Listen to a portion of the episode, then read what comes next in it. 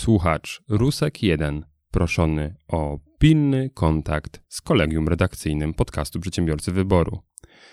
Słuchacz Rusek 1 proszony o pilny kontakt z kolegium redakcyjnym podcastu Przedsiębiorcy z Wyboru. Przedsiębiorcy z Wyboru. Podcast dla naznaczonych biznesem. Porady, studium przypadków, nowinki, analizy, dyskusje, rozmowy, opinie. Dzień dobry, drodzy słuchacze. Witamy serdecznie w 78. odcinku podcastu Przedsiębiorcy z Wyboru. Jak słusznie zauważyliście, nie jestem Piotrem Łysko, do tego przejdziemy za chwilę, ale zanim wytłumaczymy nieobecność naszego wielkiego nieobecnego, to dzisiaj przy mikrofonach Michał Kucharski Mateusz Majk. oraz Marek Płatek. temat nieobecności Piotra mm, to jest jakaś żenada totalna. Ja tam słyszałem, e, że coś go przytrzymało ostatnio znowu. On został zatrzymany, przytrzymany, Został podejrzany. podejrzany. No, Ogólnie jest chyba znowu u Jerzyny. Tak, no generalnie dał ciała, będzie się tłumaczył w następnym odcinku. E, my mu tego nie wybaczymy, ale przejdźmy do miłych rzeczy, a z miłych rzeczy jest z nami Marek. Marku, Marku, powiedz nam, czym się zajmujesz? Cześć. Przedstawię się może troszkę y, na początku dosyć oficjalnie, taką formułką, którą często powtarzam, e, czyli czym się zajmuję. Na co dzień współpracuję z e, firmą Google w programie Firmy Jutra i jestem odpowiedzialny za kreację i realizację kampanii Google Ads w agencji butikowej Koala Marketing. I to właściwie jest y, główna część mojej, mojej zawodowej e, teraz roli w, w tym i w projekcie i w agencji. A poza tym robię różne dziwne rzeczy, między innymi właśnie przyjąłem to wasze zaproszenie, za które bardzo dziękuję, e, żeby zobaczyć jak to e, dzisiaj wygląda, jak, jak wygląda nagrywanie podcastu, jak można wejść w ogóle w coś, co jeszcze parę lat temu było totalnym kosmosem i, i poza zasięgiem. To tak patrząc na nazwę agencji, to wydaje mi się, że macie dosyć duży problem od czasu pożarów w, Australii. No, to już się trochę ciągnie, natomiast y, jakby to powiedzieć, ta koala wciąż jest jeszcze taka Żywa. puszysta, milutka, taka jest, jest tak, tak, tak. Zajmujemy się przede wszystkim tym, żeby y, pamięć nie zaginęła o tych, o tych zwierzątkach, które tam teraz mają ciężki żywot. Dobrze, a ja mam pytanie w takim razie. Y, Koala to jest przypadek, bo nie wiem na ile to jest urban legend, na ile nie. Czy nie, to może nie będzie urban legend. Co jest y, w Australii? To jest sawanna, dżungla nie. Step legend? że, y, że koale chodzą ciągle narąbane z powodu fermentującego eukaliptusa. Czy wy też chodzicie w swojej agencji ciągle narąbani? Wiesz co, nie, no w pracy, w pracy tego unikamy, natomiast sam, sam pomysł z tym, z tym zwierzątkiem, e, on gdzieś tam się zrodził przy, przy okazji właśnie takich e, wieczornych rozważań, co dalej i, co by tutaj, e, na co by tutaj zwrócić uwagę. Zresztą to się sprawdza. Mówimy teraz o, o koali, nie? Czyli, czyli znaczy, że nazwa działa. To, to jest, myślę, ten, ten moment, który potwierdza, że to był trafny wybór. Dowód słuszności. No, Tak. tak jest, tak, tak, to się sprawdza, bo te wszystkie takie profesjonalne nazwy, jakieś future, awesome, blum, blum, blum. Business Analytics y, Company. Cambridge. tak. To tak, tak, tak, to, to jest, to nie wybrzmiewa tak, to musi zaskakiwać. Zaskakujące trochę, że tak y, od koali nie przeszedłeś jeszcze do, do tej y, agencji butikowej, bo to jest, myślę, dosyć też istotny temat. Y, Dlaczego tak, a nie jakaś y, kreatywna czy 360? Ale to jest proste. Marku, dla, Bo- dlaczego agencja butikowa? Ale, ale ja ci powiem, cieszę, cieszę się, że pytasz Marka, ja ci odpowiem. Proszę, No proste, Marek sprzedaje ubrania. buty. No, przepraszam bardzo. Marek na pewno się zajmuje g- sprzedażą garniturów, tak? W, w jakimś dziwnym rozmiarze e, G, albo przynajmniej miał z nimi kontakt. I sity. Tak, no nieważne, no, to także tutaj proste. I butik, to jest proste. G-suit, tam czy suit, czy, czy tam G-garnitur, jakby po polsku byśmy powiedzieli, i tam butik, wszystko się spina. Nie wiem, czego nie rozumiesz, Mateusz. Mar Marku, no powiedz, że mam rację. Z jakim projektantem współpracujesz? Wszystko, wszystko się spina w taki ładny, okrągły G-point. O, A, czyli jeszcze to. a to ja nie wiedziałem, że to takie butikowe y, z punktem G, ale dobrze, no niech będzie. No to co- Butik jest kameralny, jest taki właśnie z, zaciszny. Zaciszny. To się wszystko ładnie komponuje. Okej. Z tą koalą taką puszystą, mięciutką, to gdzieś to tam jest, y, ma swoje warstwy. Czyli macie poduszki z pluszu, tak? Dobra, to o co chodzi z tym, z tym agencją butikową? Co tam się dzieje? Tak, no z tym, co się z tym dzieje, no mm, poszliśmy trochę w, w taki kierunek pod prąd i mm, se, dokonujemy do, dosyć dużej selekcji, jeśli chodzi o, y, y, y, o to, z kim współpracujemy i opieramy się o relacje, ale takie relacje mm, po prostu prawdziwe. Czyli, Okej. czyli jeżeli klient chce coś outsourcować zupełnie i ograniczać się tylko do raportów i, i, do patrzenia w, w tabelki, no to, mm, to my tego nie, nie jesteśmy w stanie dostarczyć. My się musimy spotykać, my musimy rozmawiać, musimy być na, na ty y, z klientem, musimy mieć nieustanny kontakt, tak żeby współuczestniczyć w tym procesie tworzenia czegoś i opowiadania jakiejś historii, a nie, nie tylko reklamy. Mhm. Także tutaj ten, ten butik, y, on, on nabiera takiego sensu Czyli takie dwa duże i karki łyse, wyróżnia. takie dwa duże łyse karki stoją przed butikiem, tak? Jest door selection, jeśli chodzi o współpracę. E, Tylko, no właśnie, tam chyba łysy stoi, tylko łysy jest łysy, ale nie jest dużym karkiem, także pytanie, czy on tam się sprawdza na tej bramce. Wiesz co, on, on, on nie może nie jest zbyt duży, ale to, to futro, w które jest ubrany, to nadaje mu takiej, takiej wagi No ciężaru. tak, zapomniałem o tym ubranku, który mieliście w kontrakcie, racja. O Jezus. Biedny łysy, ale się będzie musiał tłumaczyć w następnym odcinku. No Bo dobrze. nieobecnych, A, bo no, obe, nie, o nieobecnych jak zawsze, tylko źle. tak. Przedsiębiorcy z wyboru. Podcast dla naznaczonych biznesem. A zatem czas e, beztrosko rozpocząć część e, newsową. E, To co tam przygotowaliście, drodzy panowie, na dzisiaj? Bo Ja wiem, wie, wiem, że Marek mówił, że coś tam poprzyglądał branżowego. Mateusz też jest tutaj przygotowany, a ja też mam newsy, no to proszę. Ja mam dużo o e-commerce i chyba dzisiaj będę monotematyczny, bo to takie, takie tematy mi się nasunęły. E, troszeczkę nawiązanie do ostatnich newsów, jak wspominaliśmy o Allegro i o tym, że Allegro e, w najbliższym czasie wypuszcza Allegro Business.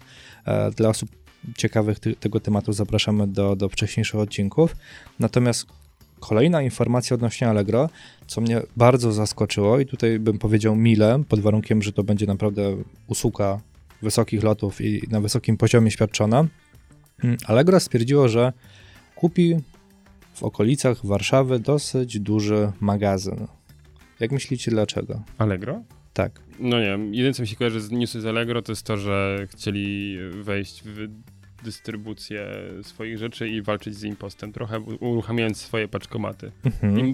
Wyczuwałbym intuicyjnie, że to będzie coś z tym związane. Paczkomaty to jest jedno i faktycznie tam gdzieś sobie jakieś testy e, prowadzą, no i czy planują prowadzić te testy w tym roku i zobaczymy, czy, czy Allegro jednak e, przystanie na swoich paczkomatach, czy wprowadzi, czy, czy będzie dalej współpracowało z takim jak Impost.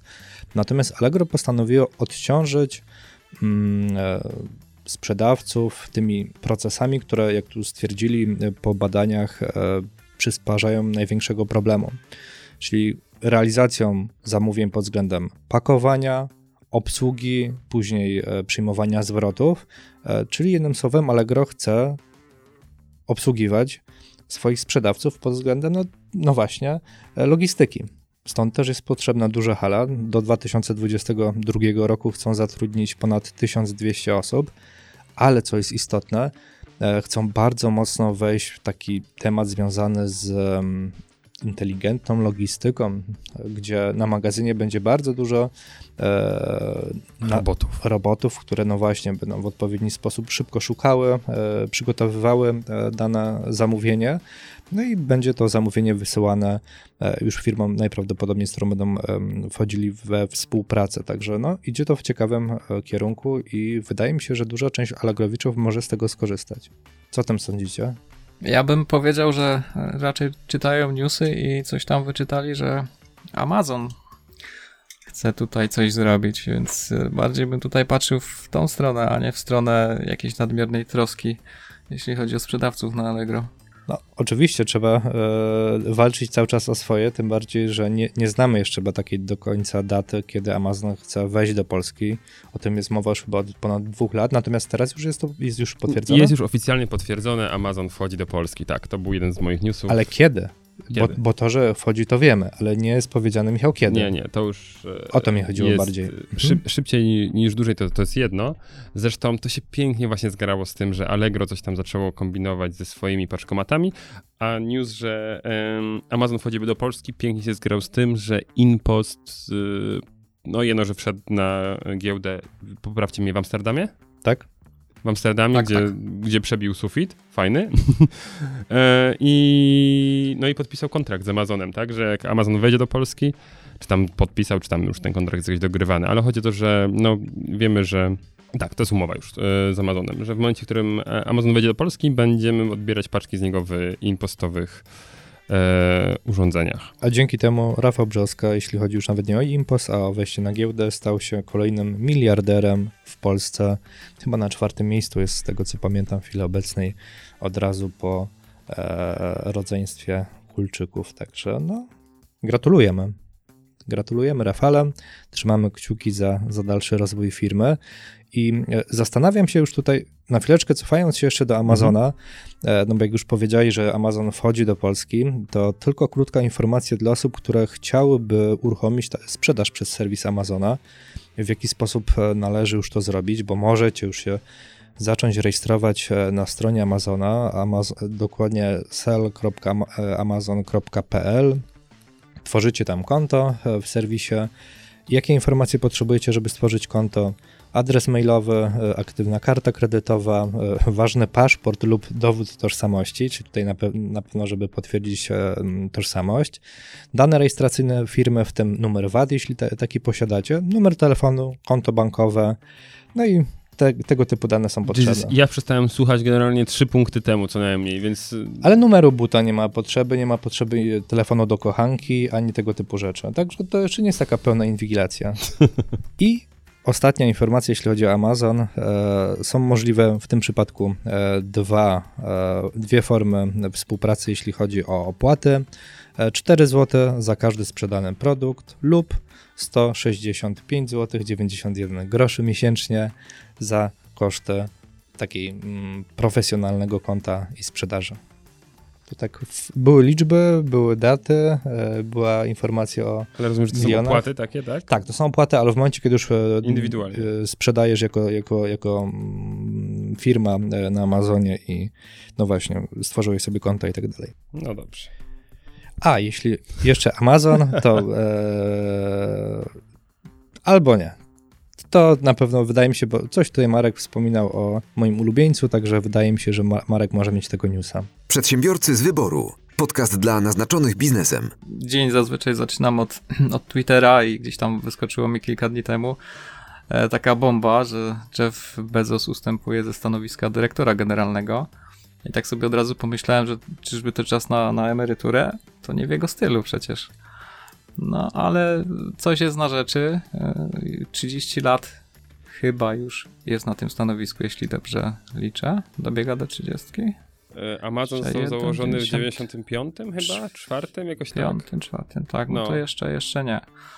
No ale to już jest solidny y, jednak bagaż i wydaje mi się, że to jest news, który też warto mm, podkreślić, bo to jest jednak zmiana na stanowisku legendy, co by nie mówić. No, głównym argumentem, który przynajmniej on gdzieś tam przytacza e, w pytaniach dziennikarzy, to jest fakt, że no, zbyt dużo czasu pochłania e, Amazon i tutaj wskazał wprost, że jeśli chce, żeby firma się rozwijała cały czas bardzo no, prężnie, no to nie, nie powinien się rozpraszać. A ma kilka ciekawych projektów e, na boku, nazwijmy to, w które chce się bardziej zaangażować. Między innymi tutaj pamiętam, że w przemysł kosmiczny, bo ma firmę, którą kupił w 2013 roku za 250 miliardów dolarów i chce się też troszeczkę rozwinąć ta firma. Drobne mu z kieszeni wypadły, mówisz? Tak. No i ma dwa fundusze inwestycyjne, które również wymagają większej uwagi e, jego, jego osoby, a przynajmniej takie są jego argumenty. No ja myślę, że to działalność kosmiczna to będzie. Tak jeszcze mm, taka dygresyjka mała, bo w przypadku e, tych, tych liczb i tych cyfr jestem wdzięczny dziennikarzom, że e, piszą skrótami, a nie wypisują te wszystkie zera, bo właśnie sobie wyobraziłem 125 miliardów dolców w artykule w jakimś dzienniku i, i wydaje mi się, że nie na wszystkich portalach by się to y, tam Zmieści... układało poprawnie, zmieściło, tak. A poza tym osoby by miały problem z przeczytaniem tego, bo wiesz, jak ktoś nie do końca wie, ile miliard ma zer, to może być z tym problem. No, zwykle na tysiącach się zatrzymują. No właśnie. Tak, tak, zdecydowanie. Chyba, ale to tylko jak zależy im, żeby pokazać, że, że było dużo, prawda? Ej, dobra, a teraz ja pytam naprawdę bardzo się, serio. Ile 125 miliardów dolarów to jest Sasinów? Na to tylko pytanie będzie odpowiedź. Wiesz u kogo?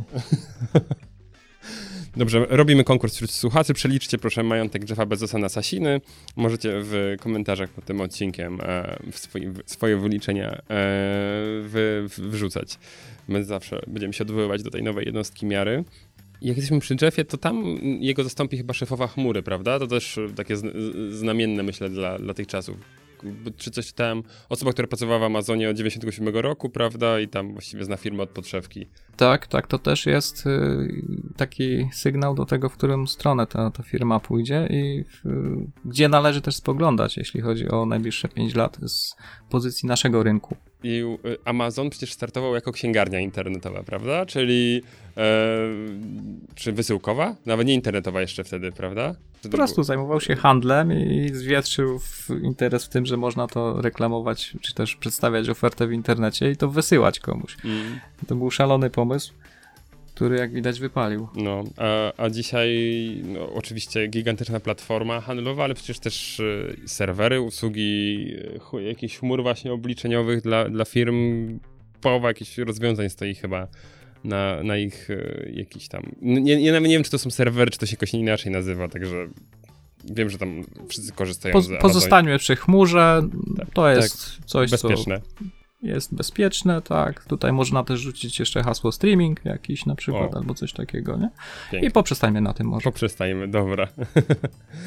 eee, no, jejku, bo, no bo hasło typu najbogatszy człowiek świata odchodzi na emeryturę, to, to by się klikało, nie? Nie, bo przecież najbogatszego... On już nie jest najbogatszy, bo go przeskoczył Elon w zeszłym miesiącu. Tak? No. Tak, tak, tak. Było A widzisz, to mi to uciekło. Tak, Wiedziałem, tak, że... Wraz ze sukcesami mhm. SpaceXa i Tesli, która obecnie znowu ma jakąś górkę dziką, bo jest więcej wycenienia niż pozostałe koncerny motoryzacyjne, jak tam ileś się sumuje razem, tak? W takie marki jak, wiadomo, e, General Motors, jakieś wszystkie inne motoryzacyjne, jak się posumuje, no to oni dopiero stanowią jakiś tam procent konkretny Tesli. To jest, to jest mega, jak ta firma jest wyceniana. Jestem tak. ciekawy, na ile tam jest napompowane to, a na ile to faktycznie ma, ma jakiekolwiek przełożenie. No faktycznie, tutaj Elon Musk 185 miliardów dolarów. No widzisz, no. No i tak. Ale właśnie to, to jest taki, myślę, że też ładny, ładne podsumowanie do tej rozmowy o tych naszych miliarderach i, i brzosce i tak dalej, bo e, każdy z, chyba tylko Jeff nie zaliczył, nie wiem, poprawcie mnie, bo nie, nie czytałem jego biografii i tak dalej, ale nie zaliczył takiej grubej wpadki, że było już blisko y, totalnego dna.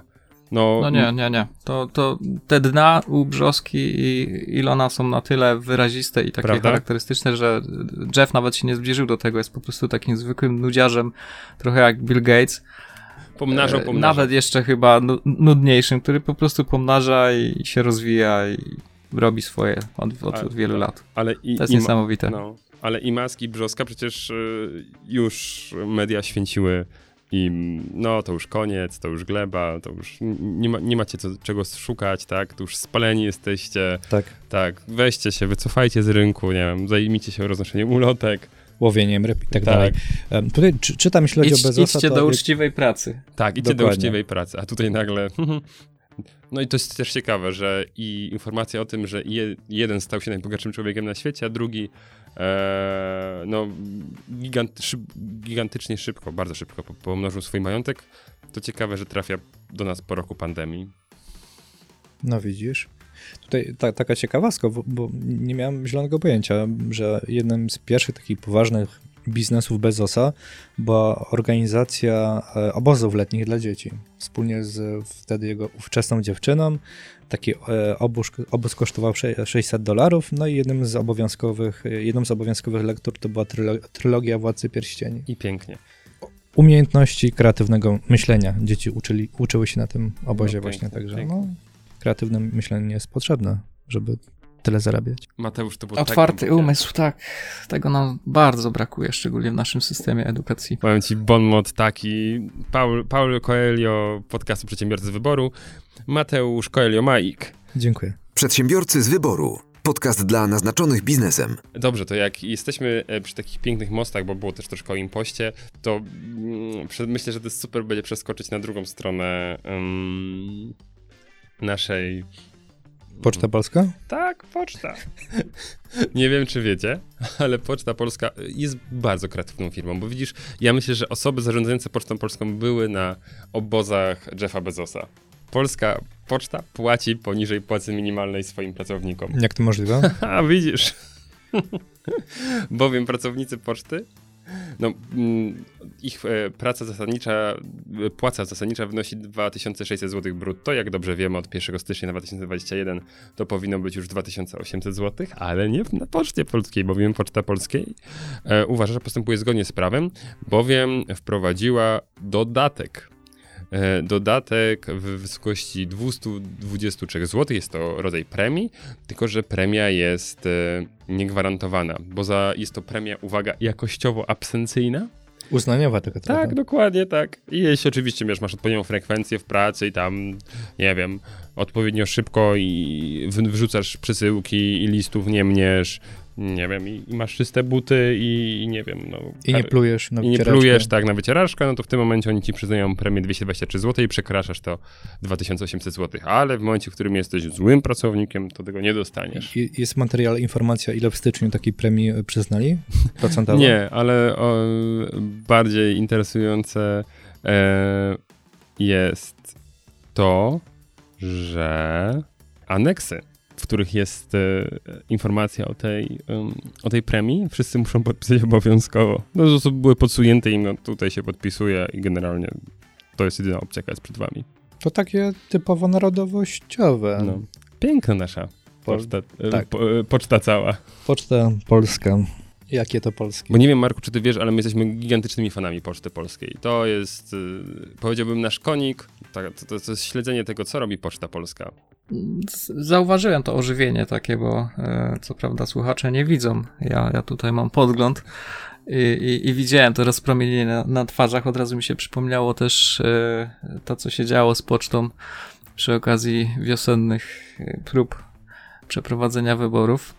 Nie wiem, czy, czy też rozmawialiście na ten temat, ale to Oczy, głęboko zapadło.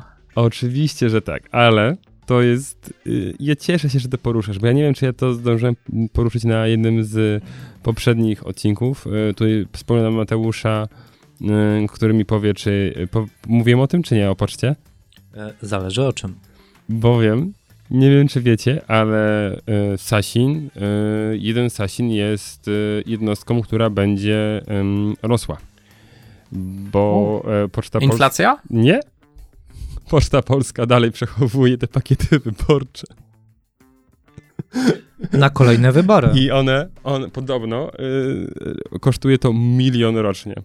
Też, że oni już niedługo dobiją do tego, żeby no te 70 milionów, to już było 71 milionów, no bo oni dalej trzymają te pakiety. No nie za bardzo już wiadomo po co. nie wiadomo gdzie. Może ktoś zapomniał wypowiedzieć umowę. No chyba tak, ale nie, ale to jest, to jest tak grube. Jak ja przeczytałem, mówię, dobra, niech to wezmą i, i, i to zutulizują. Przed, to jest po na prostu- papier toaletowy zrobią, no cokolwiek. To znalezienie Ten, to dalej możliwości wsparcia niedochodowego biznesu. Jak tutaj to, co jest w nazwie polskie, utrzymać na rynku polskim? Wspierajmy to.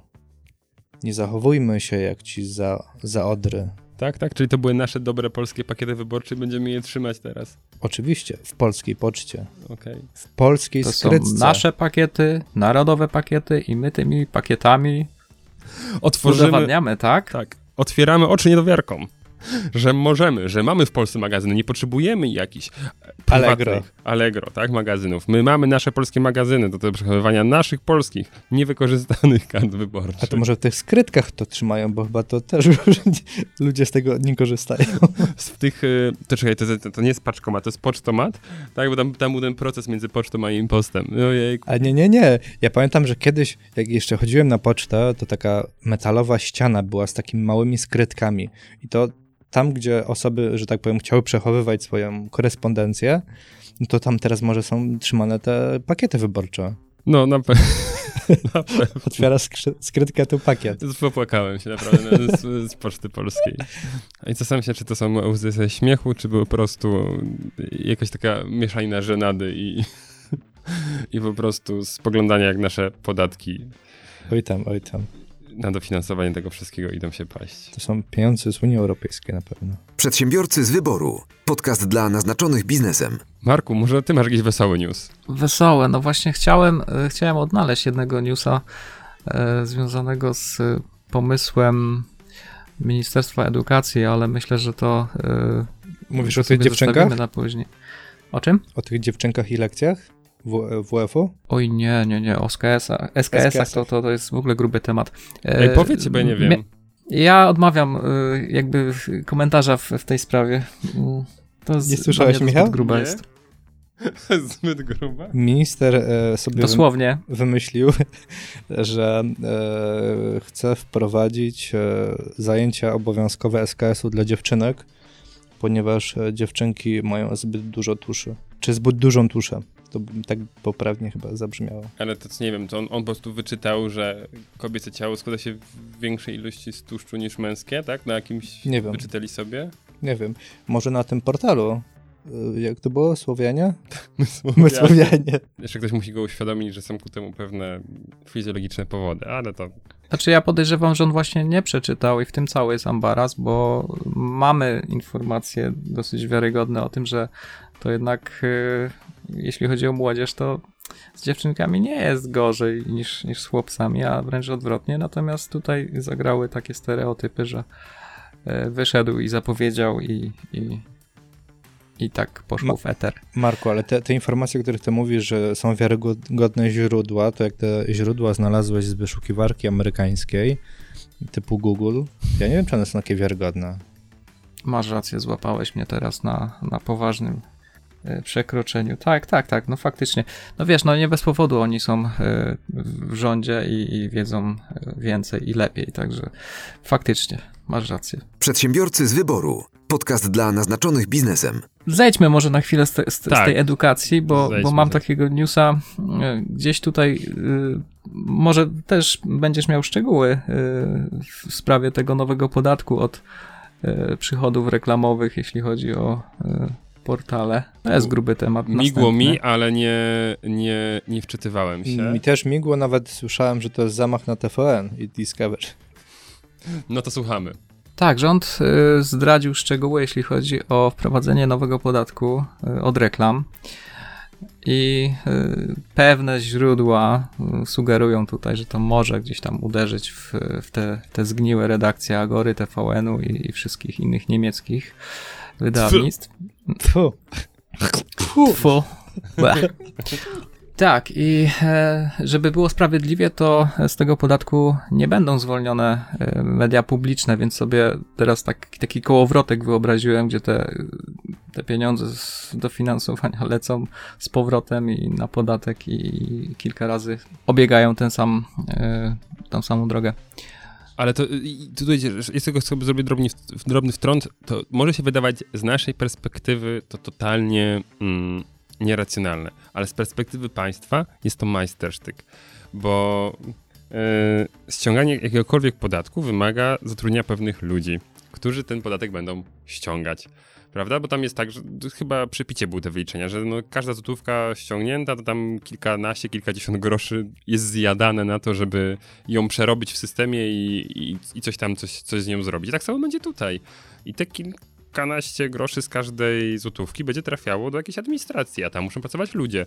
A na pewno się znajdzie praca na, dla właściwych ludzi na właściwych stanowiskach. Tak, i tymi ludźmi też trzeba kierować. Te kierownicze stanowiska też wymagają Dokładnie. dodatkowych Dokładnie. nakładów, więc Dokładnie. tutaj trzeba skądś brać. To jest majstersztyk. No a która branża teraz się rozwija, jeśli chodzi o, o te ciężkie czasy i, i jeśli chodzi o dynamikę? No, Administracja. Internet. A myślałem, że administracja. Bo widzisz, no na pewno trzeba no, nowe osoby do kontroli, zatrudnić tych przedsiębiorców, którzy się otwierają i tak dalej. Ale okej, okay, internet, no tak, tak, internet. To, to, to miałem na, na, na drugim końcu języka. Ojejku. nie wiem, nie wiem. No, Przedsiębiorcy z wyboru. Podcast dla naznaczonych biznesem. Tak, coraz, jest coraz więcej absurdalnych podatków, bo ostatnio e, mignął mi news, który nawet znajomemu przesłałem, że nie wiem jak to państwo chce zrobić, ale planują wprowadzenie podatku od samochodów osobowych przerobionych na kampery. I, I, akurat news dotyczy y, Jasia, który mam nadzieję, że kiedyś będzie u nas gościem odcinka, bo z nim sobie fajnie porozmawiamy gdzieś tam o energetyce i tak dalej. Mm, I gdzieś tam wiem, że e, planowali e, właśnie coś w tym stylu, tak? Czyli przerobienie swojego samochodu i tak wysłałem mu to i mówi, że to jest niemożliwe, że coś tak no, to jest niszowe, tak? No ile tych aut jest przerabionych na kampery dostawczych w Polsce, tak?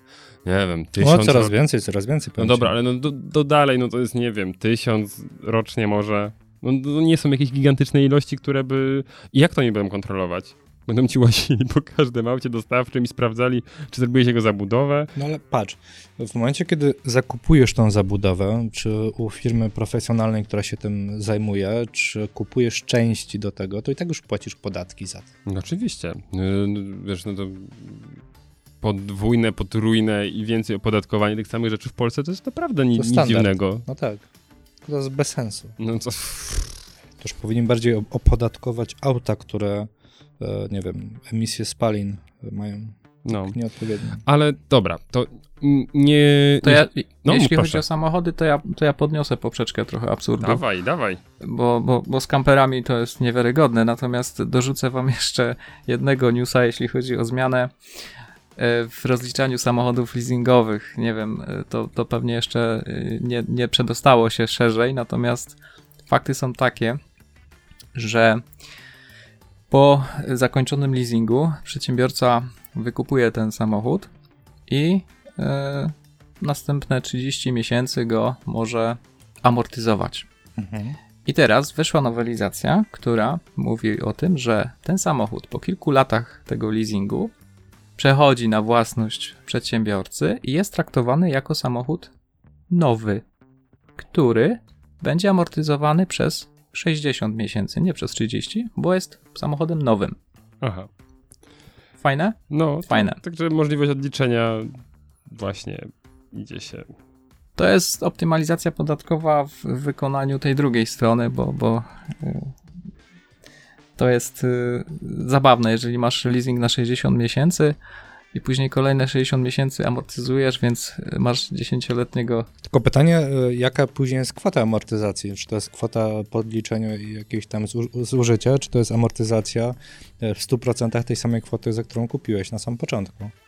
Znaczy, tu chodzi o odliczenie podatków od tych 100%, więc mhm. tu można było wcześniej odliczyć sobie to, ten podatek od, od, od przychodu. Mhm. Natomiast teraz ten okres on będzie wydłużony i jeżeli będziesz chciał wcześniej się pozbyć tego samochodu, to, to się nijak po prostu nie będzie opłacało. Okej, okay, bo to, to, nie jest tak, że w momencie sprzedaży amortyzacja nagle się robi całościowa, to co nie, zostało... Nie, nie, nie, nie. nie. Dobra. Nie, i później e... płacisz różnicę jeszcze podatku, nie? No to, to i, ja bardzo w ogóle bym chciał jeszcze kiedyś wrócić do rozmów z kimś księgowym, kto mi wytłumaczy sens amortyzacji, bo jak dla mnie, mm, jeśli wykładam naraz całą, całą gotówkę, no to naraz powinno być to dla mnie kosztem. Tak, no rozumiem, bo w momencie, gdy ktoś kupuje na raty bądź e, e, leasinguje, no to wiadomo, to się rozkłada proporcjonalnie do, do, do, do tych rat, tak? W jakiś tam sposób może. Chociaż te raty to też właściwie gotówkę mam naraz, tak? No ale... Czyli z tego co pamiętam, to niektóre e, środki trwałe możesz e, pojedynczo e, zamortyzować, nawet powyżej tej kwoty. Tysięcy. Tak. Natomiast wtedy to chyba traktowane jako pomoc de minimis E, I w to nie wchodzi auto, z tego co pamiętam, e, jeśli mówimy o aucie osobowym. Także. Natomiast ja nie jestem księgowym, więc no. tutaj to, o czym mówię, to nie traktujcie jako wyrocznie, a warto takie się Takie plotki swojego, przedsiębiorców. Tak, księgowego, ale jakiś czas temu takie przepisy weszły w życie. Tak, my się logiką posługujemy. To, to, to, i, i, i, to, jest błędne. To jest nasz błąd. Przedsiębiorcy z wyboru. Podcast dla naznaczonych biznesem. E, a propos właśnie nowych podatków, myślę, że pięknym podsumowaniem e, tych newsów wszystkich będzie wykres, który otrzymałem od znajomego wczoraj, e, który pokazuje miesięczny deficyt nadwyżkę, bądź nadwyżkę w budżecie państwa od 2013 roku. I tak fajny wykresik. Ja, ja wrzucę go też do notatek z odcinka. I wiadomo, tam w innych miesiącach byliśmy na parę. Raczej te nadwyżki nigdy nie przekroczyły 10 miliardów, tak? Naj, najwięcej było gdzieś koło 9 miesięcznie. No, oczywiście deficyt przekraczał czasami 10 miliardów, czy tu widzę 11, teraz tak około 14, kiedyś blisko 19. W 2018 roku przekroczył parę razy 20, ale jeśli chodzi o ten rok, to jest e, Taki przykład. Pik widzę. To jest przykład pięknej, e, kreatywnej księgowości. Słuchajcie, od stycznia do listopada wygląda ten wykres naprawdę tak samo jak we wszystkich poprzednich e, sześciu latach. Tam lekkie wzrosty, lekkie, lekkie spadki, nawet chyba w czerwcu bądź w lipcu ten, ten wzrost jest e, taki naprawdę blisko tych e, 9 Że e, było miliardów. dobrze u nas, tak, dobrze było. Po czym mamy grudzień. I do tej pory najsłabszym miesiącem w budżecie państwa, już wam teraz powiem, był e, chyba październik bądź listopad 2016 roku i tam, mm, nie, przepraszam, e, chyba, to, chyba to był grudzień 2017 i wtedy było około, tak no, tu ciężko to wywnioskować, ale około 23 miliardów na minusie. No, to grudzień 2020, budżet państwa notuje stratę minus 70, myślę, to jest 1 miliardów złotych. Po prostu e, to jest piękne pokazane, jak w ostatnim miesiącu, gdy się już nie dało przypychać jakichś rzeczy, no księgowo trzeba było wykazać gdzieś i nagle ciach, strata. A to była tylko strata w jednym miesiącu. Prawda? O, jest... E, no, nie, nie, Wyobraźcie sobie taką pionową krechę w dół przez całą tablicę. Mniej więcej tak to wyglądało tak, na tym tak, diagramie. Tak, tak, ale będzie w, w notatkach do odcinka, żebyście sobie zobaczyli, jak się nagle zmieniła skala. No, jest tragedia, także nie jest dobrze z finansami publicznymi. Przedsiębiorcy z wyboru. Podcast dla naznaczonych biznesem. Drodzy panowie, czy wy kiedyś mieliście jakieś przygody z grą na giełdzie? Tak. Marku? Takiej prawdziwej giełdzie? No, takiej, nie chodzi, nie chodzi, wiesz... Uciekam od odpowiedzi. Nie, Wa- nie Warszawa, Warszawa, lata dziew- 90., ostatnie dziesięciolecia. Nie, no ja miałem na myśli taką, wiesz, giełda, y, tam gdzie płyty CD w tym dawnym biurowcu y, kolejowym przy Katowicach, przy Spodku, tam się wszystko sprzedawało. Nie no, nie no, miałem na myśli taką giełdę papierów wartościowych, jakieś tam akcje, Tak, obligacje tak, i tak, tak, dalej. tak. No super. To ładnie stanowicie Spekulacje. reprezentację. To teraz tak. Podstawowe inwestowanie, bo to ten, ten news wymaga wstępu dla osób mniej zorientowanych. E, Podstawowe inwestowanie działa tak, że kupuję akcję e, za 10 zł, czekam aż będzie warta 12 zł, zarobiłem 2 zł i, i płacę podatek od tego, co zarobiłem, tak? To jest tak... Albo czekam dłużej. W gigantycznym uproszczeniu, tak? To Przepraszam wszystkich, którzy się znają bardziej, będziemy upraszczać. Em, coś, co jest e, może mniej zrozumiałe dla niektórych, a jest pewnym krytykowanym na przykład przez Ilona Maska zabiegiem, to jest granie na spadki. I to polega na tym, że powiedzmy Mateusz ma firmę, pożyczam od Mateusza akcję za 10 zł i ja liczę na to, że ten kurs spadnie. W związku z czym ja sprzedaję te akcje na rynku po dyszce, potem liczę na to, że ten kurs za chwilę będzie na przykład za 5 zł. Nie sprzedajesz, tylko kupujesz. Nie no, pożyczyłem od ciebie, No, sprzedałem za dychę. no.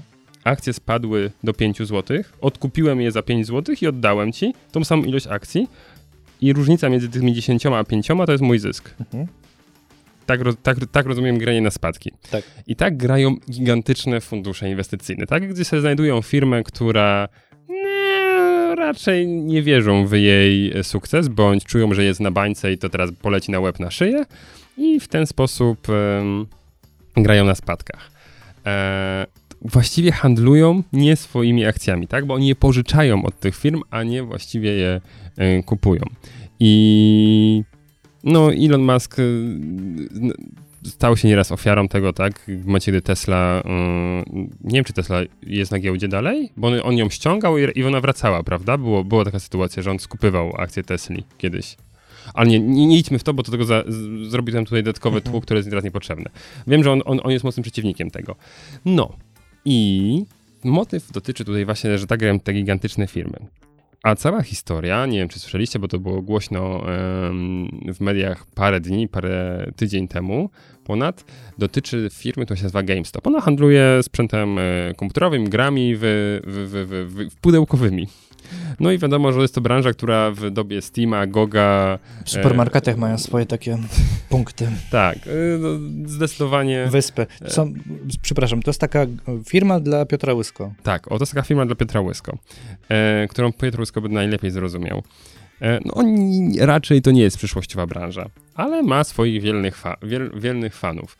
I w momencie, w, który, w którym ci wierni, wierni fani zobaczyli, że duże fundusze inwestycyjne zaczęły, zaczęły właśnie grać na spadki, skrzyknęli się na Reddicie, to taki, nie wiem, zagraniczny wykop.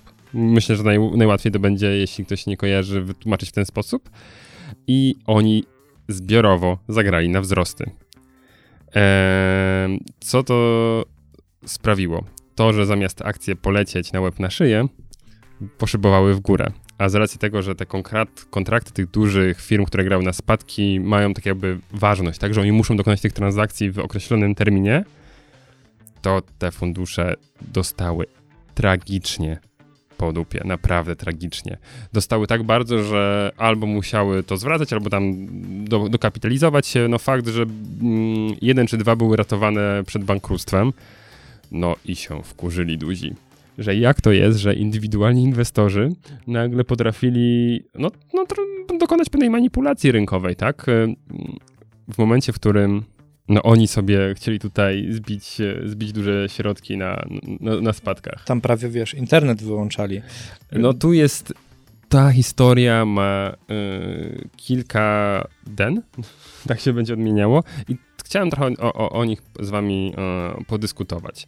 E, pierwsze to jest to, że y, oni to robili za pośrednictwem aplikacji Robinhood która gdy zorientowała się, co się, co się zaczęło dziać, y, poszło ograniczenie i można było kupować tylko jedną akcję na raz, tak? Że tak. zablokowali masowe kupowanie akcji, czyli właściwie aplikacja, która służy do indywidualnego inwestowania i która no, właściwie służyła za pośrednika w tym całym procederze e, reddit, redditowym mm, spekulacji na plus, tak, która wyniosła tam ten GameStop gdzieś tam e, w kosmos, to, to faktycznie oni, oni wprowadzili takie ograniczenie. I co użytkownicy zrobili? Użytkownicy się wkurzyli, zaczęli pisać negatywne opinie tak.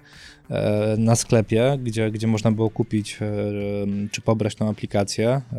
Tam naprawdę było setki na tysięcy na Google. E, Dokładnie. Tak. Co Google zrobił? Ściągnął te opinie, tak? Czyli znowu tutaj wchodzimy w temat what the fuck. Ale to jest nie pierwszy raz, bo to widzisz, to, to dochodzimy do, właśnie do drugiego newsa dotyczące, do, do, dotyczącego tego. I, mm, i to, to jest nie pierwszy raz, gdy takie. A to nie tylko w sklepie Google się takie, mm, takie rzeczy dzie, dzieją, prawda? Gdzie no, jeśli zależy firmie tym, żeby dana aplikacja była nieźle oceniana, no to potrafi usunąć tak. całkiem, e, całkiem, całkiem e, sporo e, tych opinii. Tylko to jest pierwsze dno. Dobra, to mhm. na, zatrzymajmy się tutaj. Co myślicie o całej akcji pod tytułem Mali walczą z dużymi i, i, i tym usuwaniu opinii i ograniczeniu przez aplikację? To, ja powiem, opi opinia. Ja, po, opinia. ja, powiem jako laik może. Bardzo proszę. E, Marek... Nie mamy tutaj specjalistów chyba od inwestycji, więc będziemy nie. kolejcy się wypowiadali. Znaczy, ja nawet nie, nie podejdę do tematu inwestowania, ale bardziej pokazania tego jako przykład, że w zupełnie inny sposób obywatele mogą pokazać środkowy palec, jeśli się coś im nie podoba. Niekoniecznie muszą od razu wychodzić na ulicę. E, są różnego rodzaju inne narzędzia, w tym i przykład dokładnie ten, gdzie pewien sprzeciw, który no, w jakiś sposób, czy jest słuszny, czy nie, nie chcę oceniać, można w bardzo dosadny sposób e, no, zaargumentować i, i, i yy, wpłynąć, no właśnie, w tym przypadku na miliardowe czasami straty dużych korporacji, które według opinii tamtych osób no, działało niezgodnie, nieetycznie i tak dalej. Marku, jakaś opinia?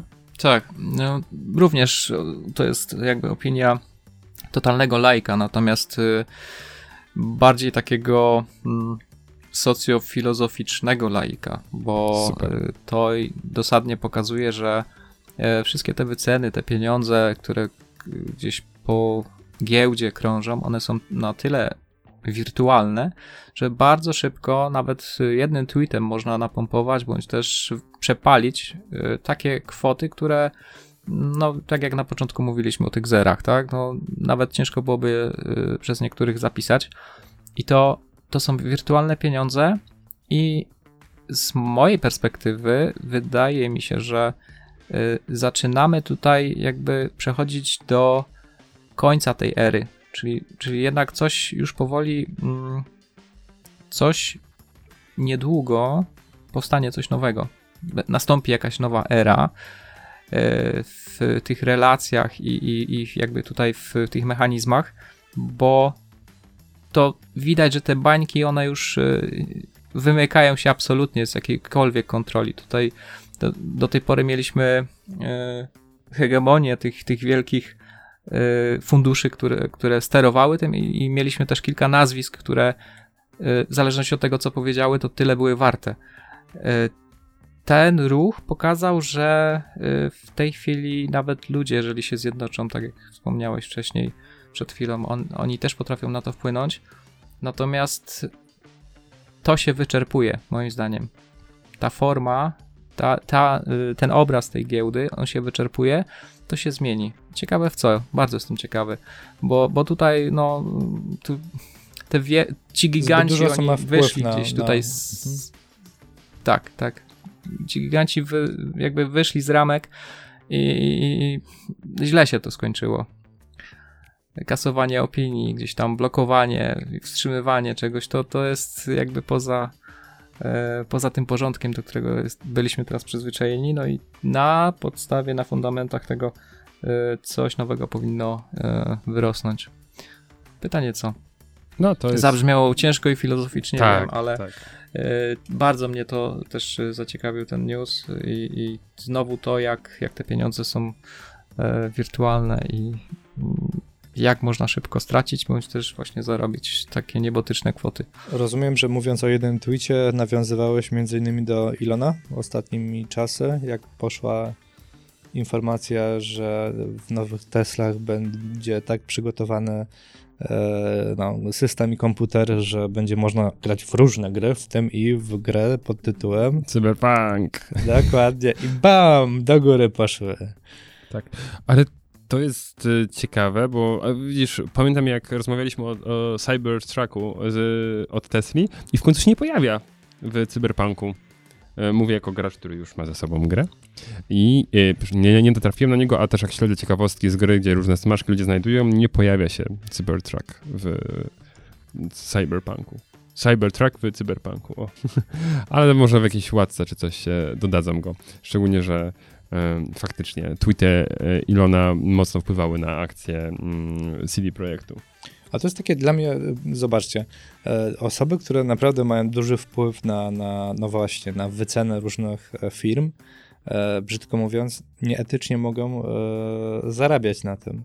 No bo w momencie, kiedy zdają sobie sprawę, że ich wypowiedź wpłynie w jakiś sposób na spadek albo wzrost danej konkretnej firmy, wycenę, a grają na giełdzie, no to mogą na tym zarabiać Jasne. Duże Widzisz, pieniądze. I tutaj bardzo płynnie przechodzimy do drugiego pytania, do, do, do, którego, które chciałem wam zadać w kontekście tej sytuacji. I ono właśnie jest takie trochę filozoficzne. Eee, także jak ktoś teraz nas przestaje słuchać po tym, jak co powiedziałem, to myślę, że to będzie ciekawe intelektualnie. Do tej pory się mówi o niewidzialnej ręce rynku. I żeby nie było metafora, którą teraz przytoczę, y, jest wyczytana w internecie, że wiadomo, że no tutaj jest tam samosterowanie, że rynek sam się reguluje tak, trochę tak. i tak dalej, i tak dalej. A akcja i reakcja tych gigantycznych graczy, którzy wrzucili swoje gigantyczne pieniądze, wiadomo, jakimiś naciskami, no choćby to usuwanie opinii, tak, bo to też jest robione przez firmę prywatną i tak dalej, pokazała, że to nie jest niewidzialna pięść rynku. To jest kurwa żelazna pięść, która w momencie, w którym duzi tracą, przypierdzieliła w rynek i nie ma możliwości, żeby jakieś chłopaczki z, yy, i dziewczyny z Redditu wzięły i ogrywały dużych graczy na miliardy, prawda? I w tym momencie, wiecie, bo to wszystko odbyło się w ramach prywatnych firm, tam, tam państwo nie było zaangażowane, tak? I to pięknie pokazało, jak duży kapitał w pewnym momencie mówi, no dobrze, dobrze, my się bawimy, bawimy, ale w pewnym momencie prawo silniejszego, dup, koniec. Stolik wywrócony do góry nogami, ma być po naszemu, albo kurde, nie będziemy się bawić w ogóle, tak? Daliśmy wam narzędzia do e, jakiejś tam zabawy na giełdzie, ale to dla was ma być zabawa, a dla nas ma być to biznes. I dalej to się odbyło w ramach wolnego rynku. No i możemy marudzić, ojej, no bo duzi gracze powinni być regulowani, no ale w tym momencie to już nie jest wolny rynek. I oczywiście nasi duże firmy zebrały taki kapitał, taką moc i mają taką decyzyjność w sobie. Im to zajęło trochę, tak? Bo to, to nie była reakcja w ciągu godzin, tylko w ciągu dni to ogarnęli temat. Ale ten, no to serio, no to była, to nie była niewidzialna ręka rynku, to było, mi się super to podobało. To była żelazna pięść, pokazanie, nie ma bata, żeby na naszym podwórku takie numery robić. I co uważacie? Bo my o tym rozmawialiśmy trochę z Martą na temat wolności i tak dalej. E, akurat w internecie. No, to jest emanacja wolności. No, duże firmy sobie życzą tak robić, no to proszę bardzo, no, pozwoliliśmy im tak urosnąć i... No tak, natomiast w drugą stronę, wiesz, e, ja jestem zawsze pod tym względem troszeczkę radykalny, czyli jeżeli są jakieś zasady gry, które zostały ustalone jakiś czas temu i wspólnie w tą grę gramy, i to, że ty przegrywasz teraz, mimo tego, że jesteś większy i ci się to nie podoba, no to graj zgodnie z zasadami. No ale, tak? ale, oni, ale oni nie zmienili żadnych. Jakie zasady zmienili? No nie wiem, bo na przykład mówimy o wy wykasowywaniu opinii. No dobrze, no ale dalej to zrobili zgodnie ze swoim regulaminem. To ty akceptowałeś znaczy, zasady... jeżeli jest zgodnie, to okej. Okay. No tak, no mhm. wiesz... A jeśli nie? Ja, ja, ja, ja wątpię, że oni... No to jest moja prywatna aplikacja, mogę sobie zmienić regulamin. To nie jest aplikacja, mhm. ten wiesz co chodzi, bawisz się na moim podwórku w moim, moimi zabawkami no, i właśnie tak. zmieniłem zasady. Okej, okay, no to mówimy tutaj o, o, ale giełda nie jest czyimś podwórkiem. No, tam, jest... tam, są zasady no, jakie? przyjęte przez konkretną no dobra, no, ale giełdę. No, no, no, no, kupujesz, no, daje, nie, nie No okej, okay, ale pytanie wtedy, czy giełda zainterweniowała, czy jednak zainterweniowali ci duży, duzi. duzi gracze? Giełda sama... Bo y, jakby to, to jest w drugą stronę, czyli tak naprawdę duzi gracze są na czyimś podwórku, czyli na giełdzie. No tak, tak i, no ale no, no masz tam regulacje ci... państwowe, które, które na przykład wymagają o właśnie tego i to, mhm. i to, to ich zmusiło, mhm. że w momencie, w którym mm, były kontrakty, że muszą wykupywać na przykład, albo musieli dokapitalizować się. Z w ogóle y, y, funny story, ta, y, dokładnie te same regulacje dotknęły Robin Hooda tą mhm. aplikację. Nie wiem, tak. czy wiecie, ale osoby, które zarządzają tą aplikacją, e, z powodu właśnie całej tej akcji, bo najpierw było na, na, na, na, tych, e, na tych akcjach tego GameStopu, a tydzień później chyba chcieli zrobić to samo na, na srebrze, także srebro tam też wyszybowało sporo w, w górę w pewnym momencie. Robin Hood stał się mm, ofiarą własnego sukcesu, mhm. bo przy takich inwestycjach oni muszą mieć jakieś zabezpieczenie kapitału w zależności od indywidualnych inwestorów. I z racji ilości małych transakcji, które były robione, oni się okazało, że nie, nie mieli tego. I wezwali swoich y, udziałowców do tego, żeby wpłacać do kapitalizowania. tak, do kapitalizowania. I musieli naprawdę. Mm, Robin Hood pozyskał w ciągu dnia czy dwóch więcej środków musieli w, niż w ostatnich, nie wiem, 6-7 latach. Mhm, okej. Okay. E, ale, mhm. ale pojawiły się te środki, no bo wiadomo, wyczuli, no wiadomo, marketing taki poszedł mhm. i aplikacje aplikacja okay. się... Znaczy, dobra, no to Więc... trochę mnie przekonałeś do tego, ale to jest e, pokazanie, dlaczego, i taki argument może, e, powstały różne inne, nazwijmy to, e, giełdy typu Bitcoin i tak dalej, bo ludzie się wkurzyli, że no właśnie, e, nie za bardzo mają wpływ i ktoś z góry e, trzyma za mordę to wszystko i może sterować tak naprawdę tym rynkiem. No dobra, no ale wiesz, Więc... on, on to pogromadził. Tak samo jak, wiesz, nagle się okaże, my znamy, Marku, nie wiem, czy ty się orientujesz, ale znamy tylko lokacje części mhm. bitcoinów, które są, co nie? Tam mhm. dziś się mówi, że 20% w ogóle jest potraconych Pewnie, nie, ale, ale idea taka podobna No była, tak, nie? no ale wiesz, mhm. nagle się może okazać, że jest gracz, który pogromadził takie ilości tych środków i w pewnym momencie, wiesz, wrzuca jakąś ilość na rynek i doprowadza do zmian w kursach. To tak co do gromadzenia, to tak tylko e, taki, taka ciekawostka ostatnio e, czytałem, że ktoś zgubił chyba dysk na którym miał to, bitcoina, nie? Ta, to, to się podobno pojawia non-stop. Ale tam była informacja pod tytułem, że chyba za znalezienie zapłaci 140 parę milionów e, dolarów, także to tam takie sumy padały za samo odnalezienie dysku. Grubo. Komentarz Marku? Grubo, grubo. Tak, tak. Yy, właśnie to jest kolejne, są takie znaki, które yy, płyną z rynku, że ta formuła się powoli wyczerpuje, tak jak yy, widzimy. I tak y, na przykład kwestie poruszane, kwestie wolności tych prywatnych firm, kwestie e, banowania na przykład niektórych kont na różnych portalach, y, to jest, y, to się wszystko wpisuje właśnie w, w, w takie ustalenie takiego nowego, e, nowego porządku świata. nie, odpływam trochę za bardzo.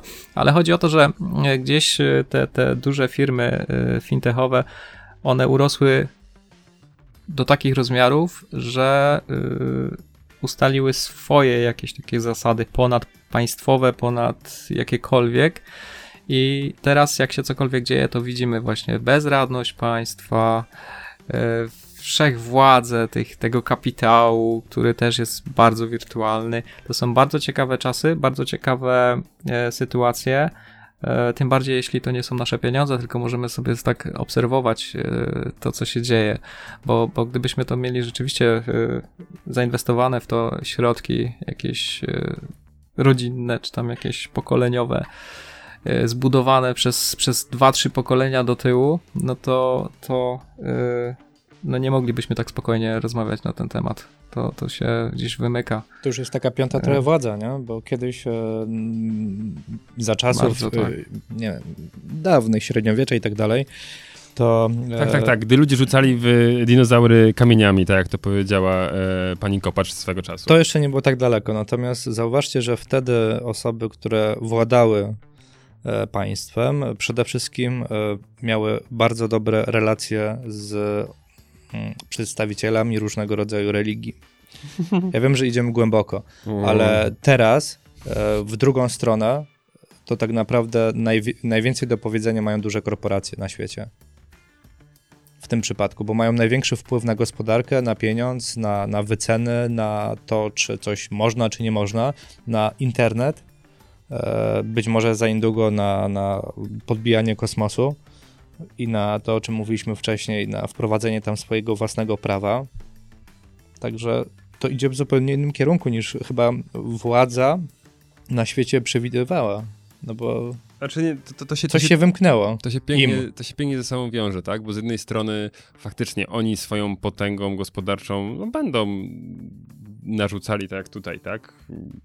Uderzali pięścią w stół i, e, i, i, kładli na swoim, tak byśmy mogli to mm, powiedzieć.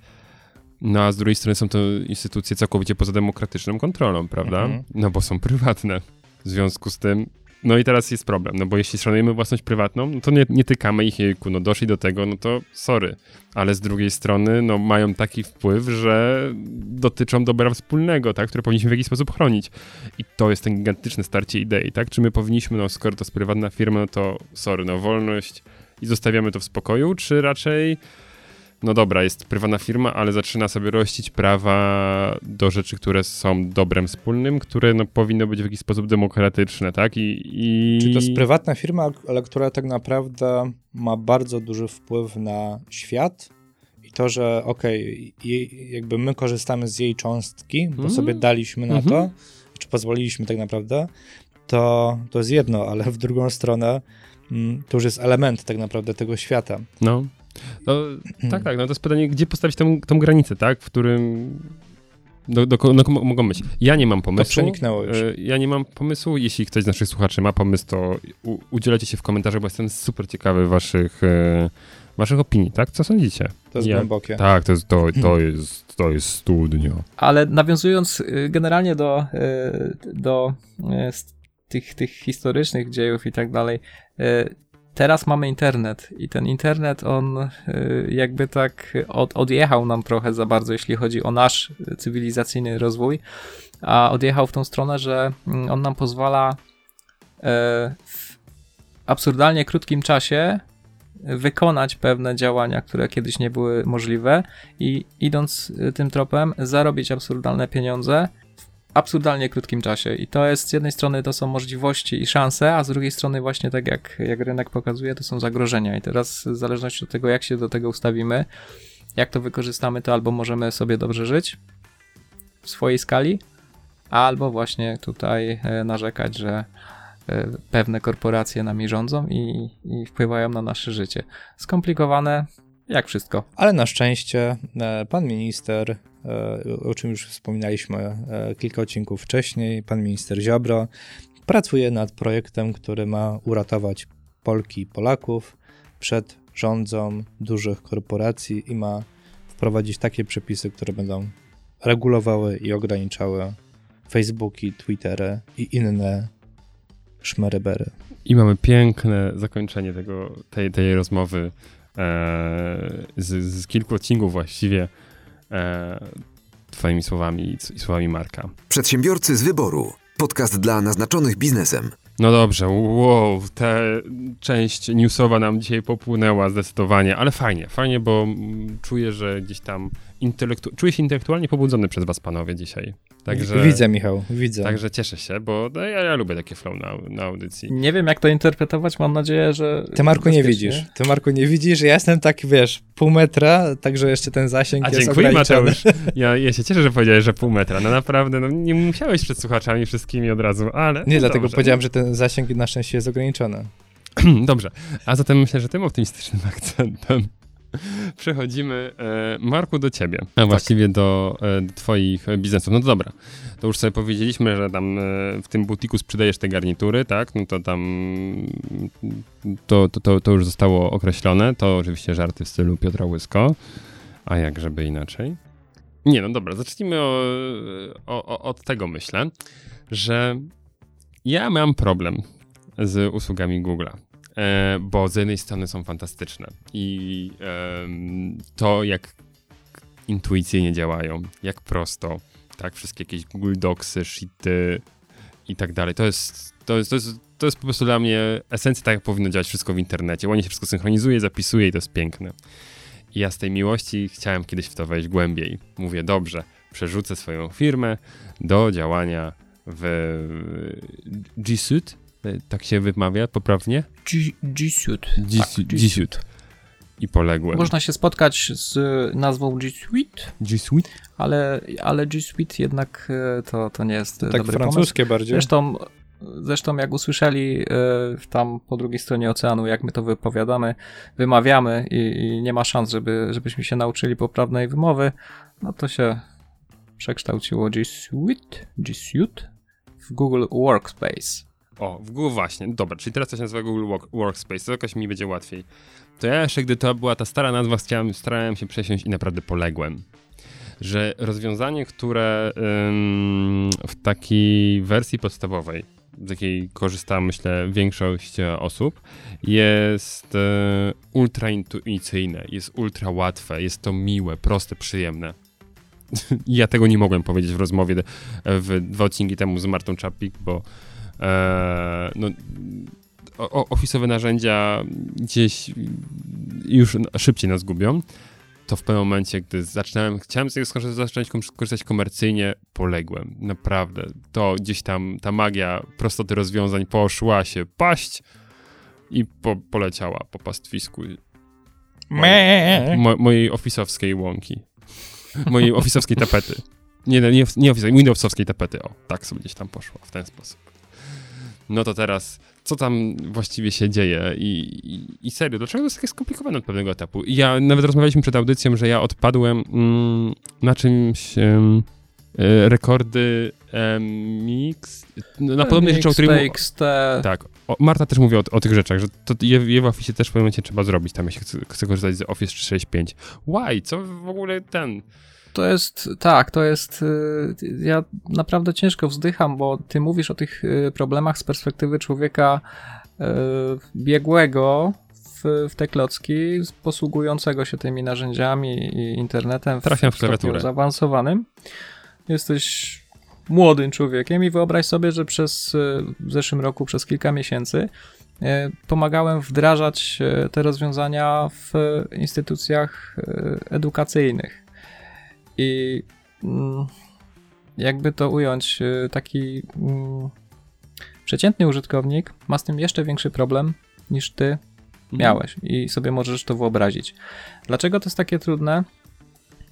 Pewne ustawienia muszą być e, dokonane, żeby zapewnić odpowiednie bezpieczeństwo tych wszystkich narzędzi. I tutaj tego się nie da technicznie przeskoczyć, bo y, wdrażając y, cały ten pakiet w firmie, y, my powierzamy tutaj kupę danych firmy. Mm, To są informacje o klientach, to są dane poufne, to są faktury, rozliczenia, to są pliki, które są dostępne dla, dla pracowników z różnych platform, z różnych urządzeń, z różnych miejsc, natomiast one muszą być odpowiednio zabezpieczone.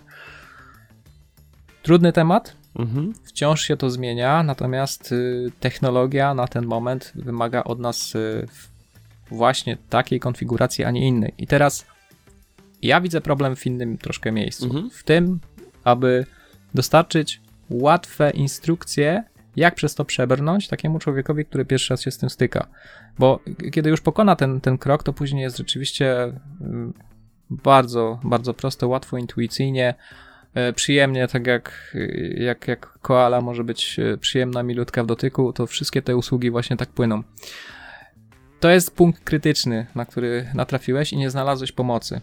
Więc to jest jakby tutaj y, po stronie osób, które zajmują się wdrażaniem, supportem, bo to też ten support jest przerzucony mhm. na, na, na firmy prywatne. E, z, z Google'a mamy e, szereg artykułów, informacji, instrukcji, ale to wszystko jest napisane, przetłumaczone mhm. na, na, język polski, więc to też e, rodzi pewne problemy. Mm, I, i, i, i tutaj właśnie na tym etapie my jesteśmy, czyli, czyli ci wdrożeniowcy, którzy są w stanie pomóc w taki sposób, żebyś to po prostu wklepał tam, gdzie trzeba, zapisał i żeby to zaczęło działać. Okej. Okay.